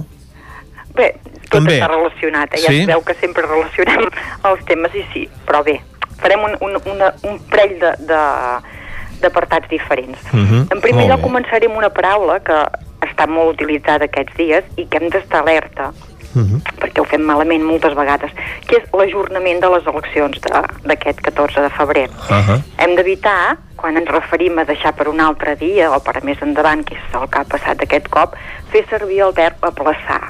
Mhm. Segurament que és molt freqüent en aquests dies que l'haguem sentit, eh? Sí, per sí. tant, aquest significat aplaçar és incorrecte. La paraula és correcta, però no amb aquest significat, eh? La Mhm. paraula aplaçar la trobarem al diccionari, però eh, quan ens referim a aquest significat hem de fer servir ajornar, o bé l'expressió deixar per un altre dia. Ah, exacte. Quan ho deixem per un altre dia ho ajornem, no? Exacte. És el que passa dir- també, doncs, no ho sé, amb els partits de futbol que no es Sí, poden senyor. disputar per culpa de la pluja. Doncs sí, senyor, eh? En l'àmbit esportiu també direm que un partit s'ha ajornat per la pluja i no s'ha aplaçat, que Mhm. segur que ho heu sentit, ho heu vist o ho heu llegit moltes vegades, que es fa servir. A l'acte de l'àrbit segur. Gairebé t'ho asseguraria. Això no ho sé, però bé, doncs sí, eh? Uh, per tant, aquestes eleccions s'han ajornat, mm? no s'han aplaçat. Això és, és per una banda, un tema. Un altre tema d'actualitat és aquest que encara coeja del, del toc de queda, eh? que encara Ah. ara continua. I aprofitarem per parlar de, de quina manera dividim el dia, perquè segur que heu vist mm, en molts llocs que uh, aquest toc de queda que tenim ara, que és a les 10 del vespre, a les 6 del matí, heu vist molts cops que parlen de les 10 de la nit i les 6 de la matinada. Eh? Mhm. Aquesta vacil·lació que es produeix en, en molts mitjans i a molts llocs. Què passa? Uh, segurament que aquesta vacil·lació de- d'aquest ús ve donat per la diferència que en castellà tenen la mañana, la tarda i la noche. Mm? Uh -huh. aquesta divisió del dia.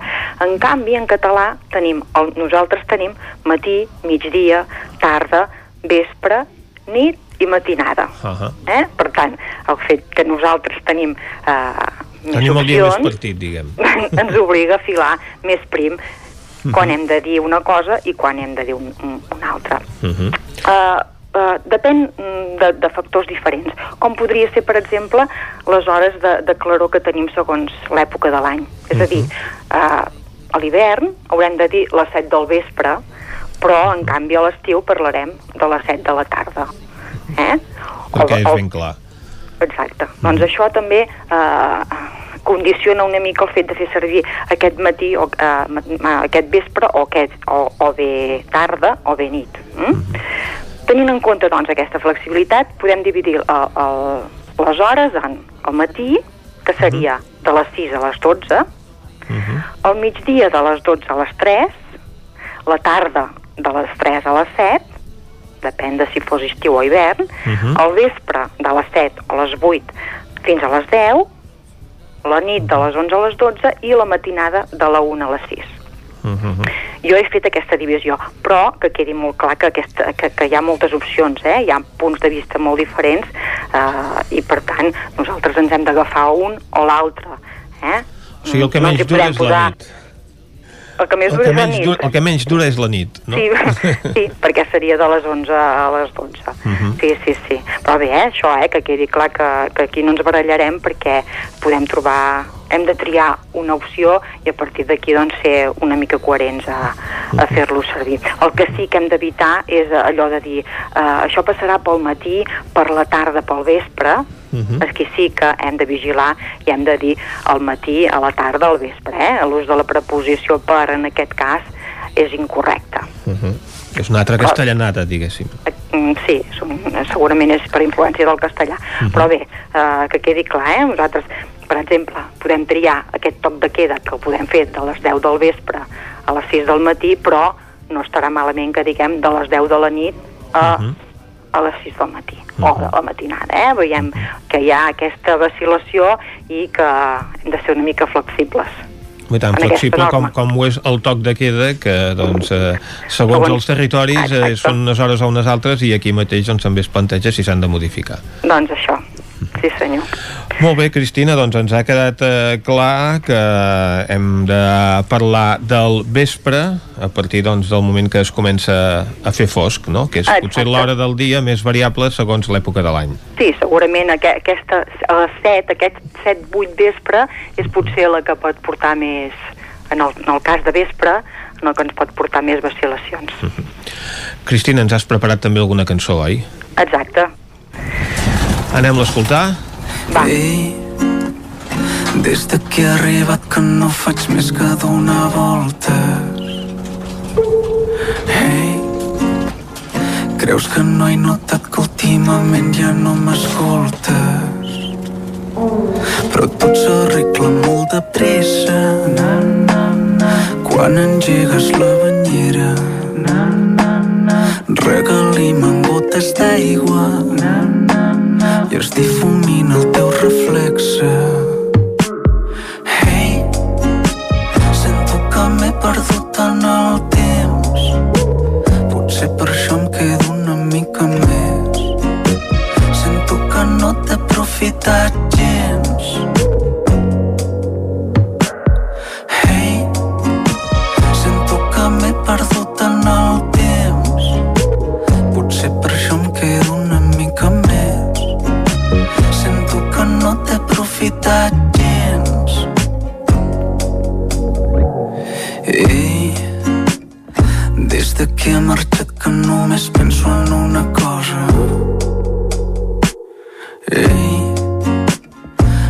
que la veritat és que en el fons sí que m'importa.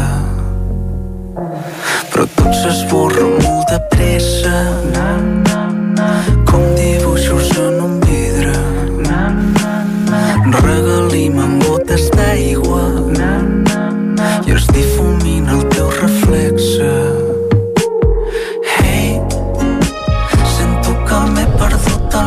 Cristina, què és el que estem escoltant ara mateix? Bé, doncs aquesta és en Ferran Palau, Mm -hmm. uh, la cançó es titula Reflexa, Mm -hmm. i bé, aquí us portava diferents paranys que hi pot haver, no? Mm -hmm. Uh, només dir el títol Sí. ja ens sembla una mica Grinyola, dubtós. no? Grinyola. Mm -hmm. Però hi ha una trampa. Eh? Depèn de Perquè- què parlis. No, no, no, mentida. O sigui, reflexa no existeix. D'acord. Eh? Uh, I la paraula correcta, el mot correcte és reflex, Mm -hmm. el plural és reflexos, o, per Ahà. exemple, si és l'adjectiu femení, doncs respostes reflexes. Però què passa? Aquí ens podem pensar, ostres, tu, eh, aquest, aquest noi ha fallat aquí perquè ha fet servir aquesta paraula que no és correcta i hauria de ser reflex. Però ell mateix, a l'Instagram, quan presenta la cançó, ens diu que el títol de la cançó és una barreja entre la paraula reflex i Mhm. sexe. Eh? I ell diu, m'interessava que acabés en exe buscant la simetria. Ell diu, igual que la portada del single, una metàfora visual del reflex cap a altres gèneres i un homenatge a les persones que transiten en el gènere i no encaixen en el sistema binari. Per tant, ell ja deixa clar que no ens pensem que, que s'ha equivocat, eh? O sigui, ell sap que la paraula correcta és reflex, però volia jugar amb aquesta, amb aquesta, mm. aquesta uh, dues paraules, reflex i sexe. Potser- Per tant, aquí Ah, No, anava a dir. Cristina, que potser la fórmula correcta aleshores seria posar entre cometes el títol d'aquesta cançó. Bé, no ho sé.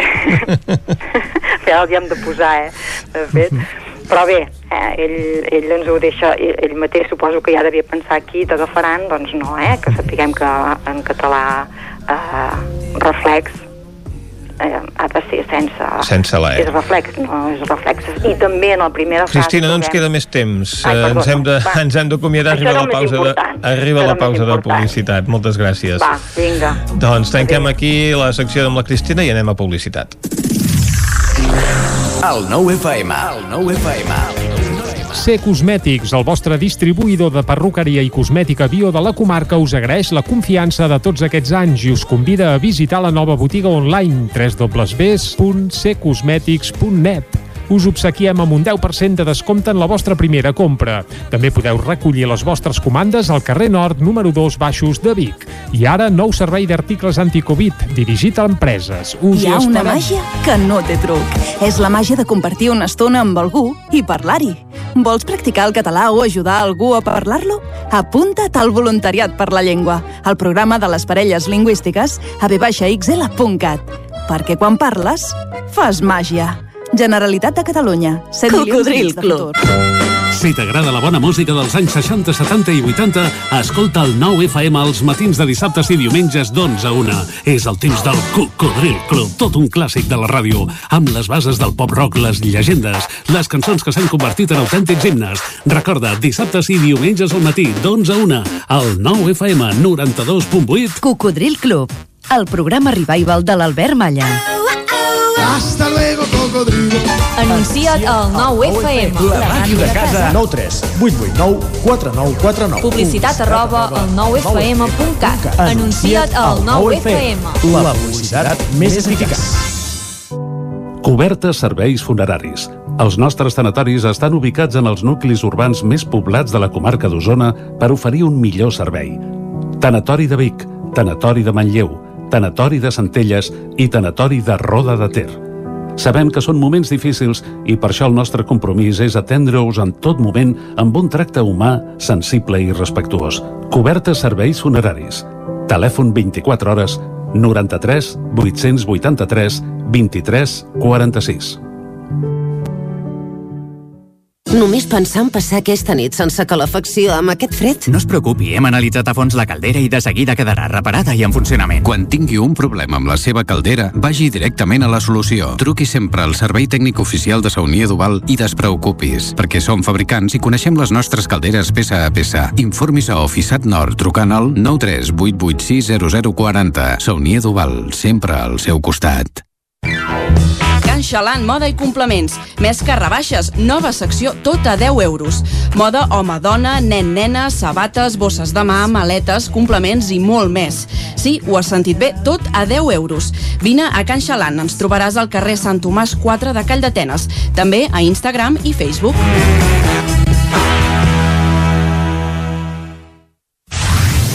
El 9 FM, el 9 FM, el 9 FM, el 9 FM. Mil somnis i una il·lusió. A Trenc d'Alba, edició pandèmia. Ara sense els usuaris que ens explicaven les seves desgràcies a la R3, però amb els mateixos retards i problemes de sempre.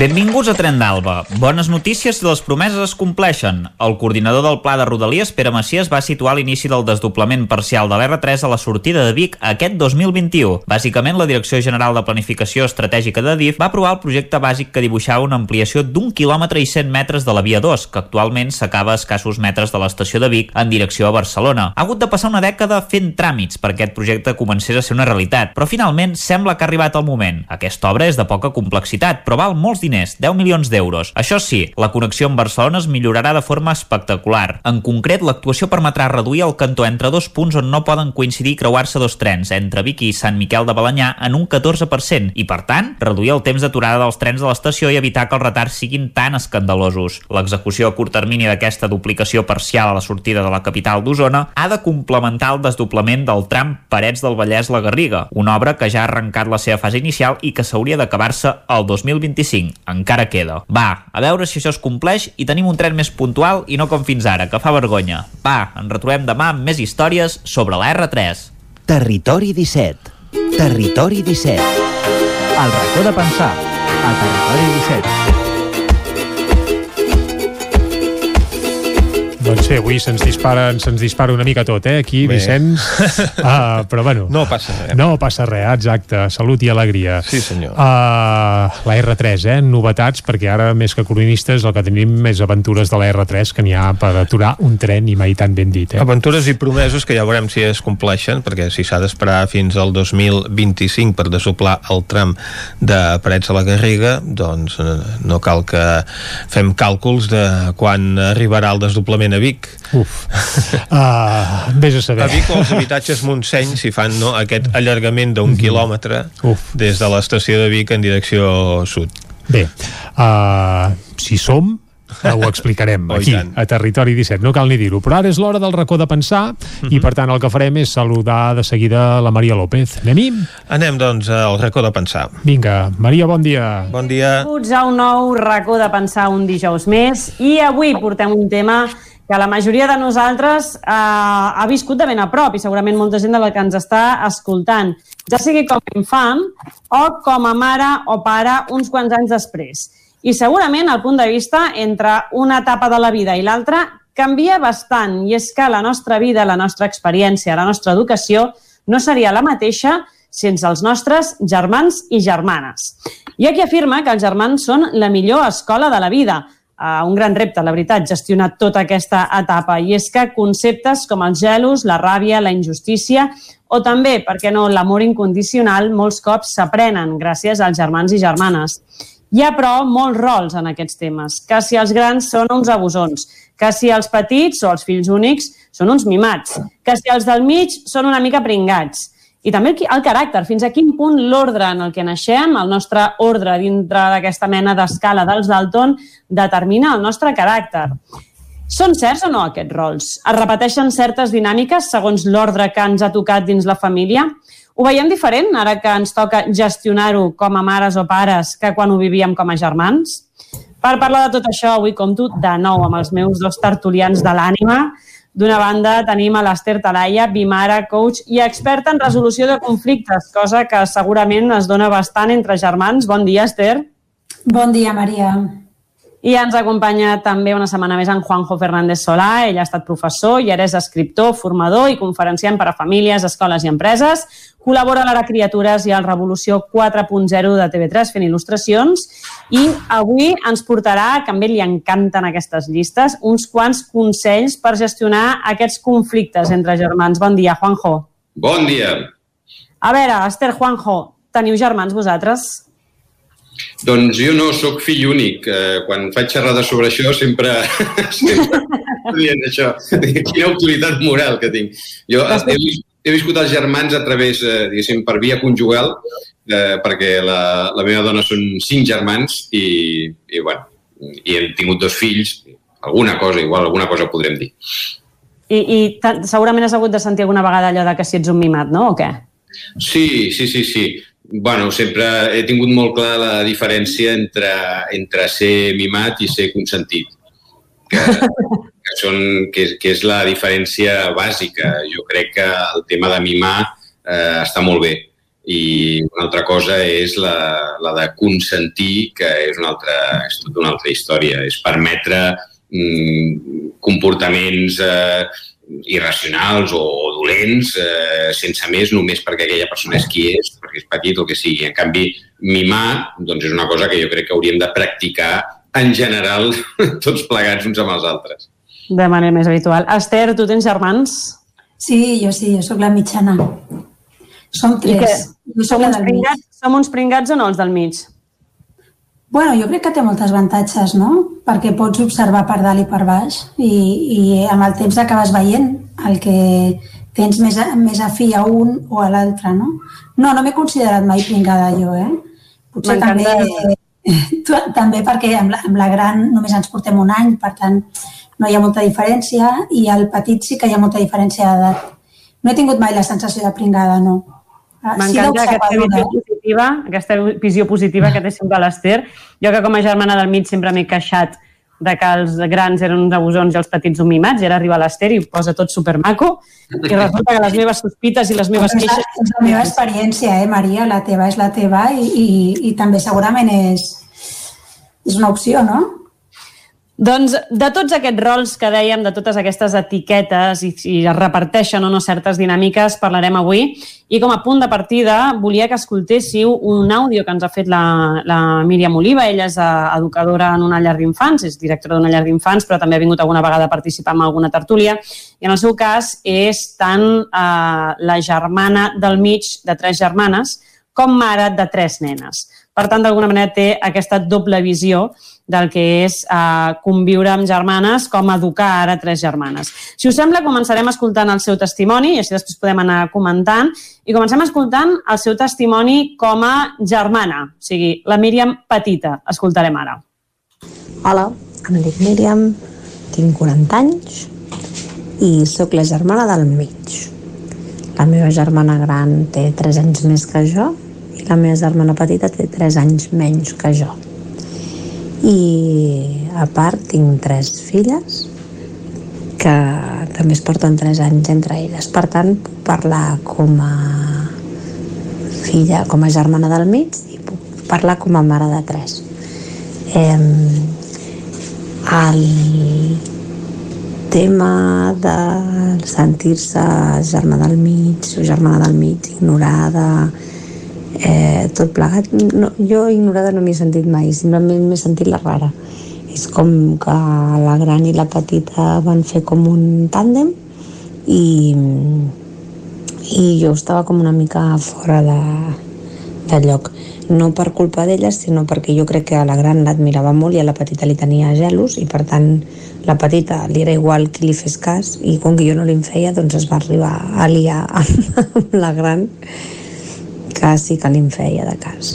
Um, però jo crec que això són els rols de quan ets petita després la, en el meu cas la relació es va millorar i va, i va normalitzar-se de fet no? vull dir que segueixo sentint-me la rara en alguns aspectes però jo crec que ja és per, per no sé per comoditat Conceptes com l'admiració cap al germà gran o el gelos cap al germà petit són segurament sentiments molt habituals, no? Mm, sí, eh, hi ha una cosa molt, molt important que és eh, aquest admetre que, que es tenien gelos, que ella tenia gelos de, de la petita. Ho dic perquè, eh, per això que us deia també de la via conjugal, segons eh, quan, quan parlo amb la, amb la meva sogra, i dius, bueno, doncs, déu-n'hi-do, no? Cinc germans, cinc... devien tenir... Ah, no, no, gelos no. Dius, home, sí, clar que tenien gelos. I tant, eh, això és, és molt important reconèixer eh, això, perquè si no e, és una cosa que queda aquí com, com enquistada eh, quan, quan hauria de sortir. No? En, en les tres primeres lletres de la paraula germans hi ha tres, eh, tres emocions o tres sentiments fonamentals, que són la, la G de gelosia, la E d'enveja i la R de rivalitat. I la, la, la gelosia és, és, és que és fonamental, és, és una por i com tota por és, eh, és irracional i, i no necessita una justificació especial, però, però ha de sortir, s'ha de poder expressar aquesta, aquesta por a, a, a perdre l'estimació de, de, dels pares, en aquest cas. Que d'alguna manera l'aparició d'un germà petit està clar que treu aquesta part de, ja siguin dos, tres germans, no? l'aparició d'algú que et destrona una, una miqueta. Eh, Esther, Esther, abans deies que bueno, d'alguna manera no t'havies sentit d'aquesta manera, comentaves que et portaves bastants anys amb el, amb el teu germà. Jo potser l'exemple precisament del, de l'ignorat al del mig, jo potser el tinc com més arraigat perquè em porto molt poquet amb el meu germà. Ens portem un any exacte. Això un, any, un any diferent. Per tant, d'alguna manera, el sentiment de... O sigui, potser és com que no he arribat no? ni a tenir el sentiment de, de ser la mimada, perquè en un any ja va arribar algú que et destrona, no?, d'alguna manera, i llavors és com que et queden... No sé si arraiga més o menys. Tu com ho vas viure, d'alguna manera, l'aparició d'un germà petit? Com un regal, perquè, clar, eren 11 anys de diferència, pues, pues imagineu, va ser un regal, no? Llavors, gelos és que ni, ni es passava pel cap, no? Era una, una situació totalment entre, era una barreja entre mare, germana, no sé, una, una figura on els gelos no hi cabien, no? no però crec que per aquesta diferència d'edat no, tan gran i, i després el que, el que m'ha fet gràcia el que has dit, no, Juanjo, que com a emoció, si no li dones sortida, allò queda enquistat. I és veritat, no? Perquè és veritat que ens trobem que els pares o els pares diuen és que ràpidament etiqueta, és que té gelos o no, que va, mai han tingut gelos, no? I tant per accés com per defecte, no? Com no mirar en realitat què li està passant, no? Al, al fill o la filla perquè hi ha pares que de seguida diuen no, no, és que, és que té gelos, no? I dius, bueno, és que potser no, potser no són gelos, no és exactament, o, o potser sí, i no li esteu donant cabuda ni espai a que, a que pugui sortir, no?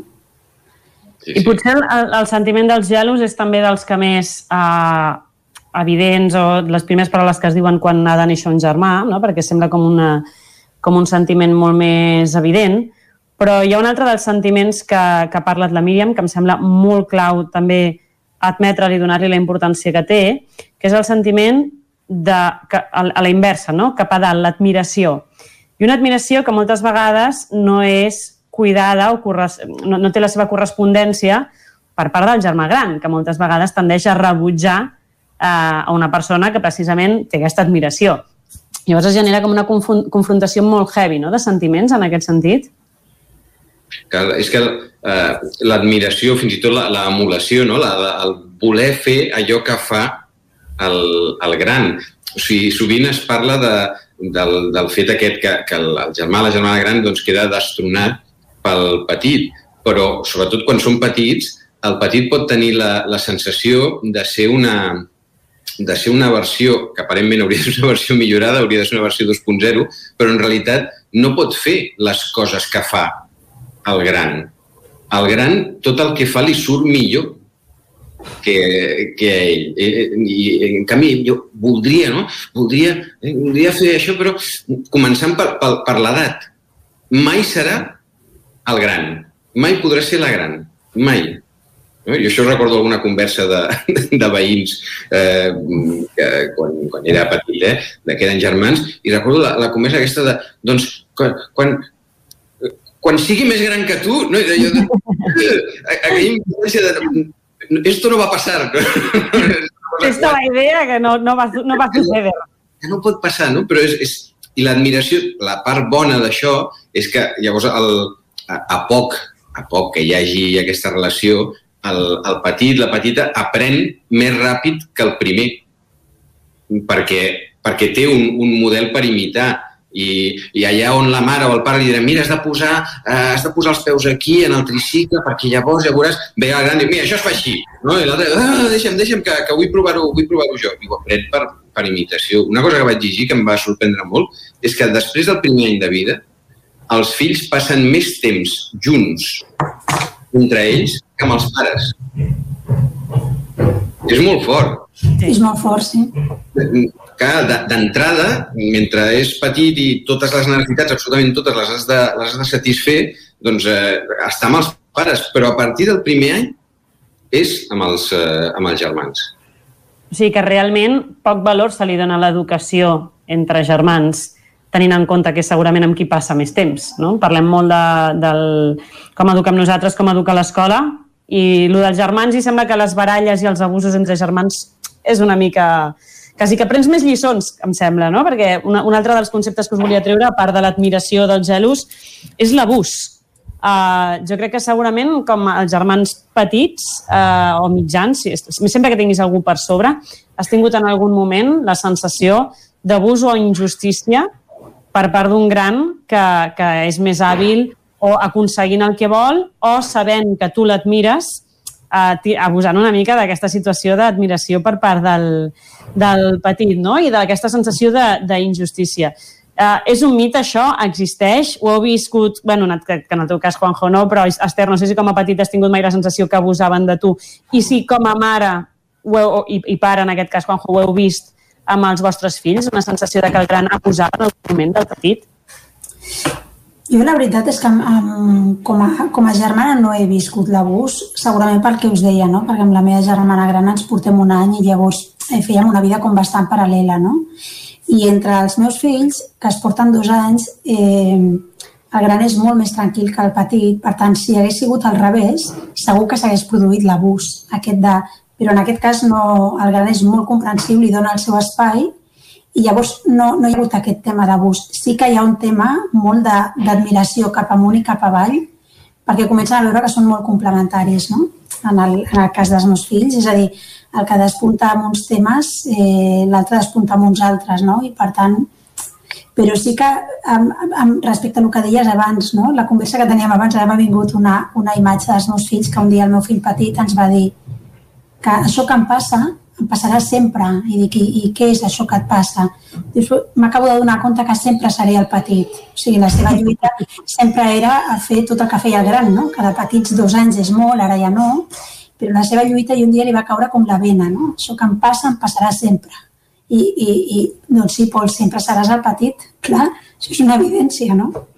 Vull dir que és molt, molt curiós com, com ho viuen ells, no? també, perquè els primers anys hi ha aquesta competència com molt natural, no? que es desenvolupa d'una manera natural, com de voler córrer per atrapar, i, i al final hi ha un bon dia que no? és com que de cop veuen que eh, a nivell de familiar sempre ocuparàs la posició que ocupes. No? Uh -huh.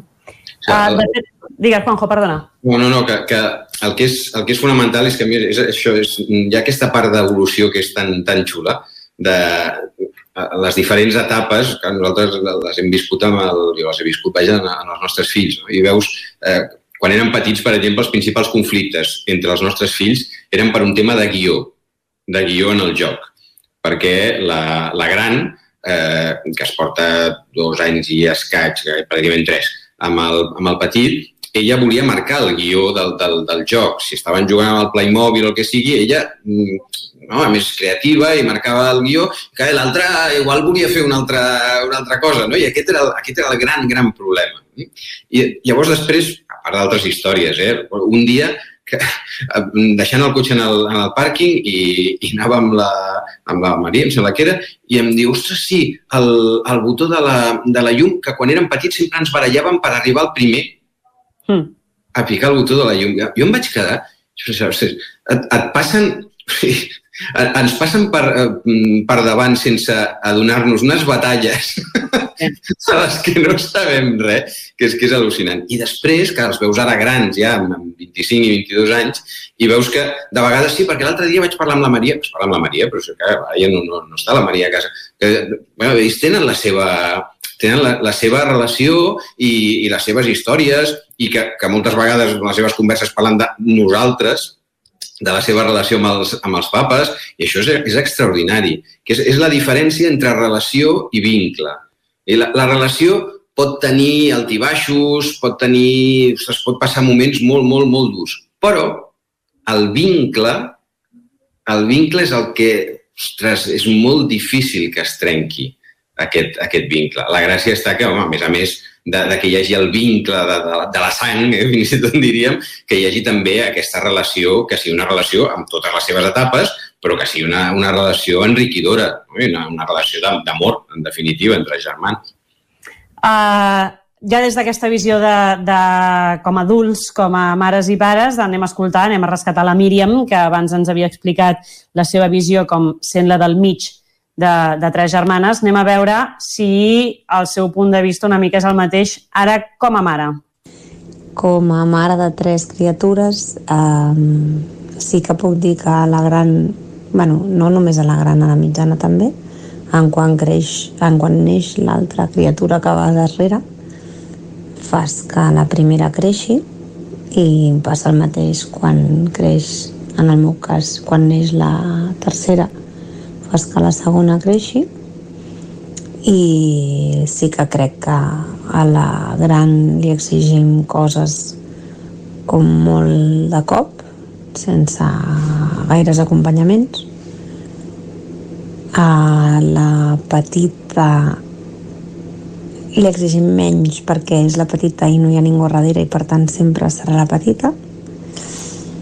I a la mitjana segueix estant una mica en el lloc desubicat, per tant té tota la pinta que serà la rara, però com que jo també sóc la mitjana, doncs eh, eh, em provoca un sentiment com de, de més cura, no? I de i d'estar més atentes al que li passa. I per tant, insisteixo en que crec que la gran llavors la deixo massa a, a su merced. no sé com es diu en català. I ja està. Els mitjans som uns desubicats. La Míriam ha dit la frase clau, m'he sentit tan identificada, és la desubicació total. I hi ha també un altre concepte molt clau, que és el fer créixer els grans de cop, quan arriba la segona fornada o la tercera, no? Sí, sí, sí. De totes maneres, als mitjans hi ha, hi ha aquesta... O sigui, és també un món d'oportunitats. De... Perquè pot ser... Eh, has tingut un temps, encara que en el teu cas, per exemple, doncs, fos breu, eh, però, però has tingut un temps per ser eh, petit i després tens l'oportunitat de ser el gran per algú. No? Llavors, eh, aquesta desubicació, segons com, també es podria llegir com un mm, volar sota radar que, que, que pots anar fent perquè el, per, per un costat el gran, normalment el gran pilla molt, perquè sobretot si ha estat el primer germà, el, el primer fill, el primer net, el primer nebot, ostres, és, eh, és una pua, eh, perquè pilla absolutament tot. I el, el, el petit, eh, clar, si no és, si no és que, que realment, com, com deia l'Ester, si no és que hi ha un, un sentiment de, de ostres, eh, en, ens agrada, quina alegria, que d'això, i ja estem tots, eh, pot haver-hi, en alguns casos, una mica síndrome mascota. És a dir, que, que pol·lula per allà, però tothom té, té altres, ja està en altres fases de la vida i, i és allò, mira, quan estàs per aquí, doncs, oh, oh, oh, oh, i fem una, una carícia i ja la tira, tira milles perquè, perquè ja està. O sigui que cada, totes les posicions tenen, la seva, tenen les seves coses positives i les seves coses més, més complicades. Jo crec que és el, el lloc per excel·lència d'una persona discreta. O sigui, si no vols fer soroll, estigues al mig i passar desapercebut, no? Perquè no tens el foc ni per sota ni per dalt, no? En general, Ara, si no ets discret i estàs al mig, doncs no, no et sents vist en molts moments, clar. Uh, Se'ns acaba el temps, però Juanjo, jo sé que tens una llista amb alguns consejitos d'aquests teus uh, per ajudar-nos una miqueta a gestionar aquests conflictes entre germans i germanes. Molt bé, doncs si vols els llenço, sí? Llança'ls, vinga. Va, doncs vinga, 16 estratègies per, eh, per poder gestionar aquesta convivència entre germans. Primera, en lloc de no admetre sentiments negatius, reconèixer-los, verbalitzar-los. Segona, concedir amb la fantasia el que no tenen en la realitat. Expressar el que potser voldria el nen. Cada vegada potser, ostres, jo t'agradaria eh, que no hi fos el teu germà petit. També pot no? Eh, tercera, ajudar a canalitzar sentiments hostils amb demostracions més simbòliques o més creatives. Digue-li dibuixar, parlar amb un nino, això a algú li anirà bé i a altre no li anirà tan bé. Eh? Són 16 estratègies. Una altra podria ser tallar, tenir clar, tallar les situacions en les que es puguin lesionar? I ensenyar a mostrar l'empipament de manera més segura. Una cinquena seria, en lloc de centrar-se en donar el mateix, que això de vegades es fa, no, no, per tots els fills el mateix, centrar-se en les necessitats de cadascú. En lloc de declarar un amor igual, demostrar que se'ls estima a cadascú de forma única. En lloc de pretendre concedir al mateix temps, concedir el temps segons les necessitats de cadascú. Evitar les comparacions negatives i evitar les comparacions positives. En definitiva, evitar les comparacions. Un altre seria descriure, quan hi ha conflictes, descriure el que es veu, el que se sent, el que sentim nosaltres i el que potser caldria fer. Establir amb ells normes clares i tant de bo si són ells els que eh, fan aquestes normes. Preservar els espais màgics de dedicació exclusiva, quan ens podem dedicar exclusivament a cadascun dels nostres fills. No fer atenció quan hi ha conflictes, no anar primer a la part agressora. Fer primer atenció a la part agredida, perquè si no estem responent a una crida d'atenció de l'agressor. En les baralles, actuar en funció del perill, eh? descriure el que ha passat, marcar límits i mirar d'anar baixant un esglaó cada vegada. I no permetre l'encasellament per part de ningú, ni ell, ni els germans, ni els parents. Això, ai, aquest és el petit deu ser el mimat. Donar-los la possibilitat de resoldre els conflictes per ells mateixos i, sobretot, jo dic, bueno, sobretot, però l'última estratègia seria de tant en tant provar una gran estratègia, que és l'estratègia del perdó. Ensenyar-nos uns als altres a perdonar-nos i a, a tenir-nos en compte i a donar-nos que de vegades ens equivoquem, senzillament. Doncs amb aquestes 16 estratègies i aquesta música que ens arriba de fons, acaba el racó de pensar d'avui. Juanjo Aster, moltíssimes gràcies una setmana més per estar aquí fent la pata una estona. Moltíssimes gràcies i a tots els que ens escolteu des de casa. Dijous vinent, nou racó de pensar a Territori 17. Molt bé. Doncs esperem eh, dijous vinent per tornar a parlar de temes doncs, que tenen a veure amb la criança dels fills i amb el bon funcionament de les famílies. Que això sempre dona, eh? Oh, tant. uh, ja t'ho ben asseguro. Ara som ja a la part final del Territori 17, un Territori 17 que avui no només ha anat al racó de pensar i, penta, i parlant de germans i de famílies, sinó que ja l'hem començat anant al Museu Etnogràfic de Ripoll. A l'escriptòrium, concretament, que ara es traslladarà fins a aquestes instal·lacions. Uh -huh. Correcte. També hem tingut temps d'anar al cinema, que això està molt bé, més amb els temps que corren, perquè costa anar al cinema. La veritat uh, és que sí, ho estan eh, passant malament, però bé, de moment eh, doncs continuen oberts els eh, cinemes, fins i tot d'alguna de les cadenes que ha, uh -huh. ha tancat la majoria, doncs ha salvat els de Granollers, encara que es redueixin doncs, els horaris a les projeccions. I els multicines Sucre de Vic continuen oberts, tot Exacte. i que, evidentment, sense gaires estrenes, però no per res, perquè és que la cartellera d'estrenes gairebé no n'hi han. Exacte. I les més cridaneres segurament se les guarden per quan, evidentment, les restriccions es comencin a aixecar. Però, Però- nosaltres, cada setmana a Territori 17 sí que anem al cinema. Oh, i tant, és que més no deixa de ser una bona oportunitat d'anar al cinema perquè no necessàriament has d'anar a veure l'última estrena. Hi ha moltes pel·lícules que segur que no hem vist Ah, i que... segur, segur, no. I podem anar, en aquest cas, als multicines Sucre, només els de Vic, aquesta I és amb, la pena. amb el pilot de, de pel·lícules que ens ha recomanat la Núria no acabaríem pas mai. Molt Ara el que hem de fer per això sí que és acabar. Vicenç, el programa d'avui. Doncs sí senyor, hem de posar el punt i final al territori 17 d'aquest dijous que hem fet Clàudia Dinarès, Isaac Muntades, David Auladell, Caral Campàs, Pepa Costa, Isaac Moreno, Txell Vilamala, Guillem Rico, Núria Lázaro, Cristina Enfruns, Maria López, Jordi Sunyer i Vicenç Vigues. Nosaltres tornarem demà, com sempre, des de les 9 del matí i fins a les 12 del migdia. Adeu. Que vagi molt bé. Salut.